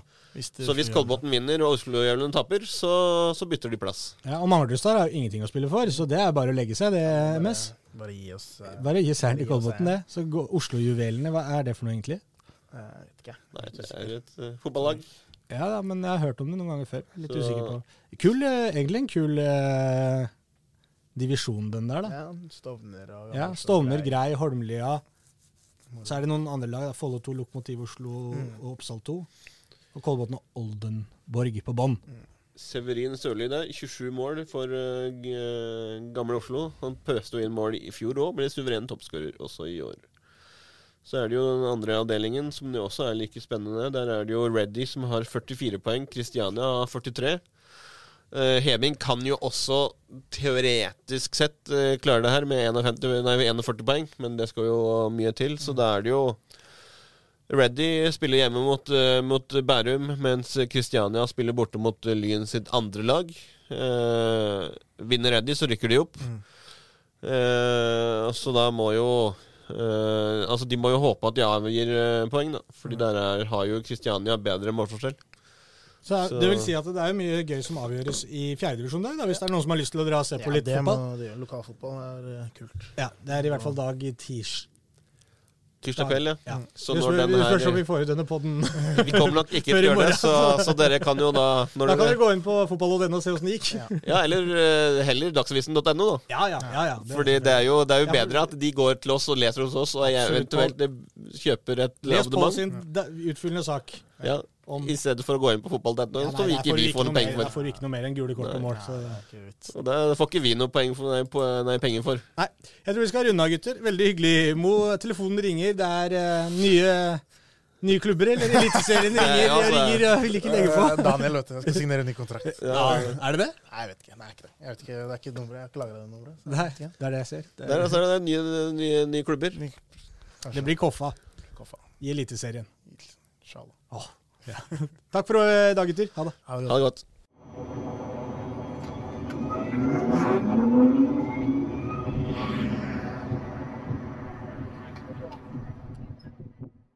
Du har hørt en podkast fra Dagsavisen.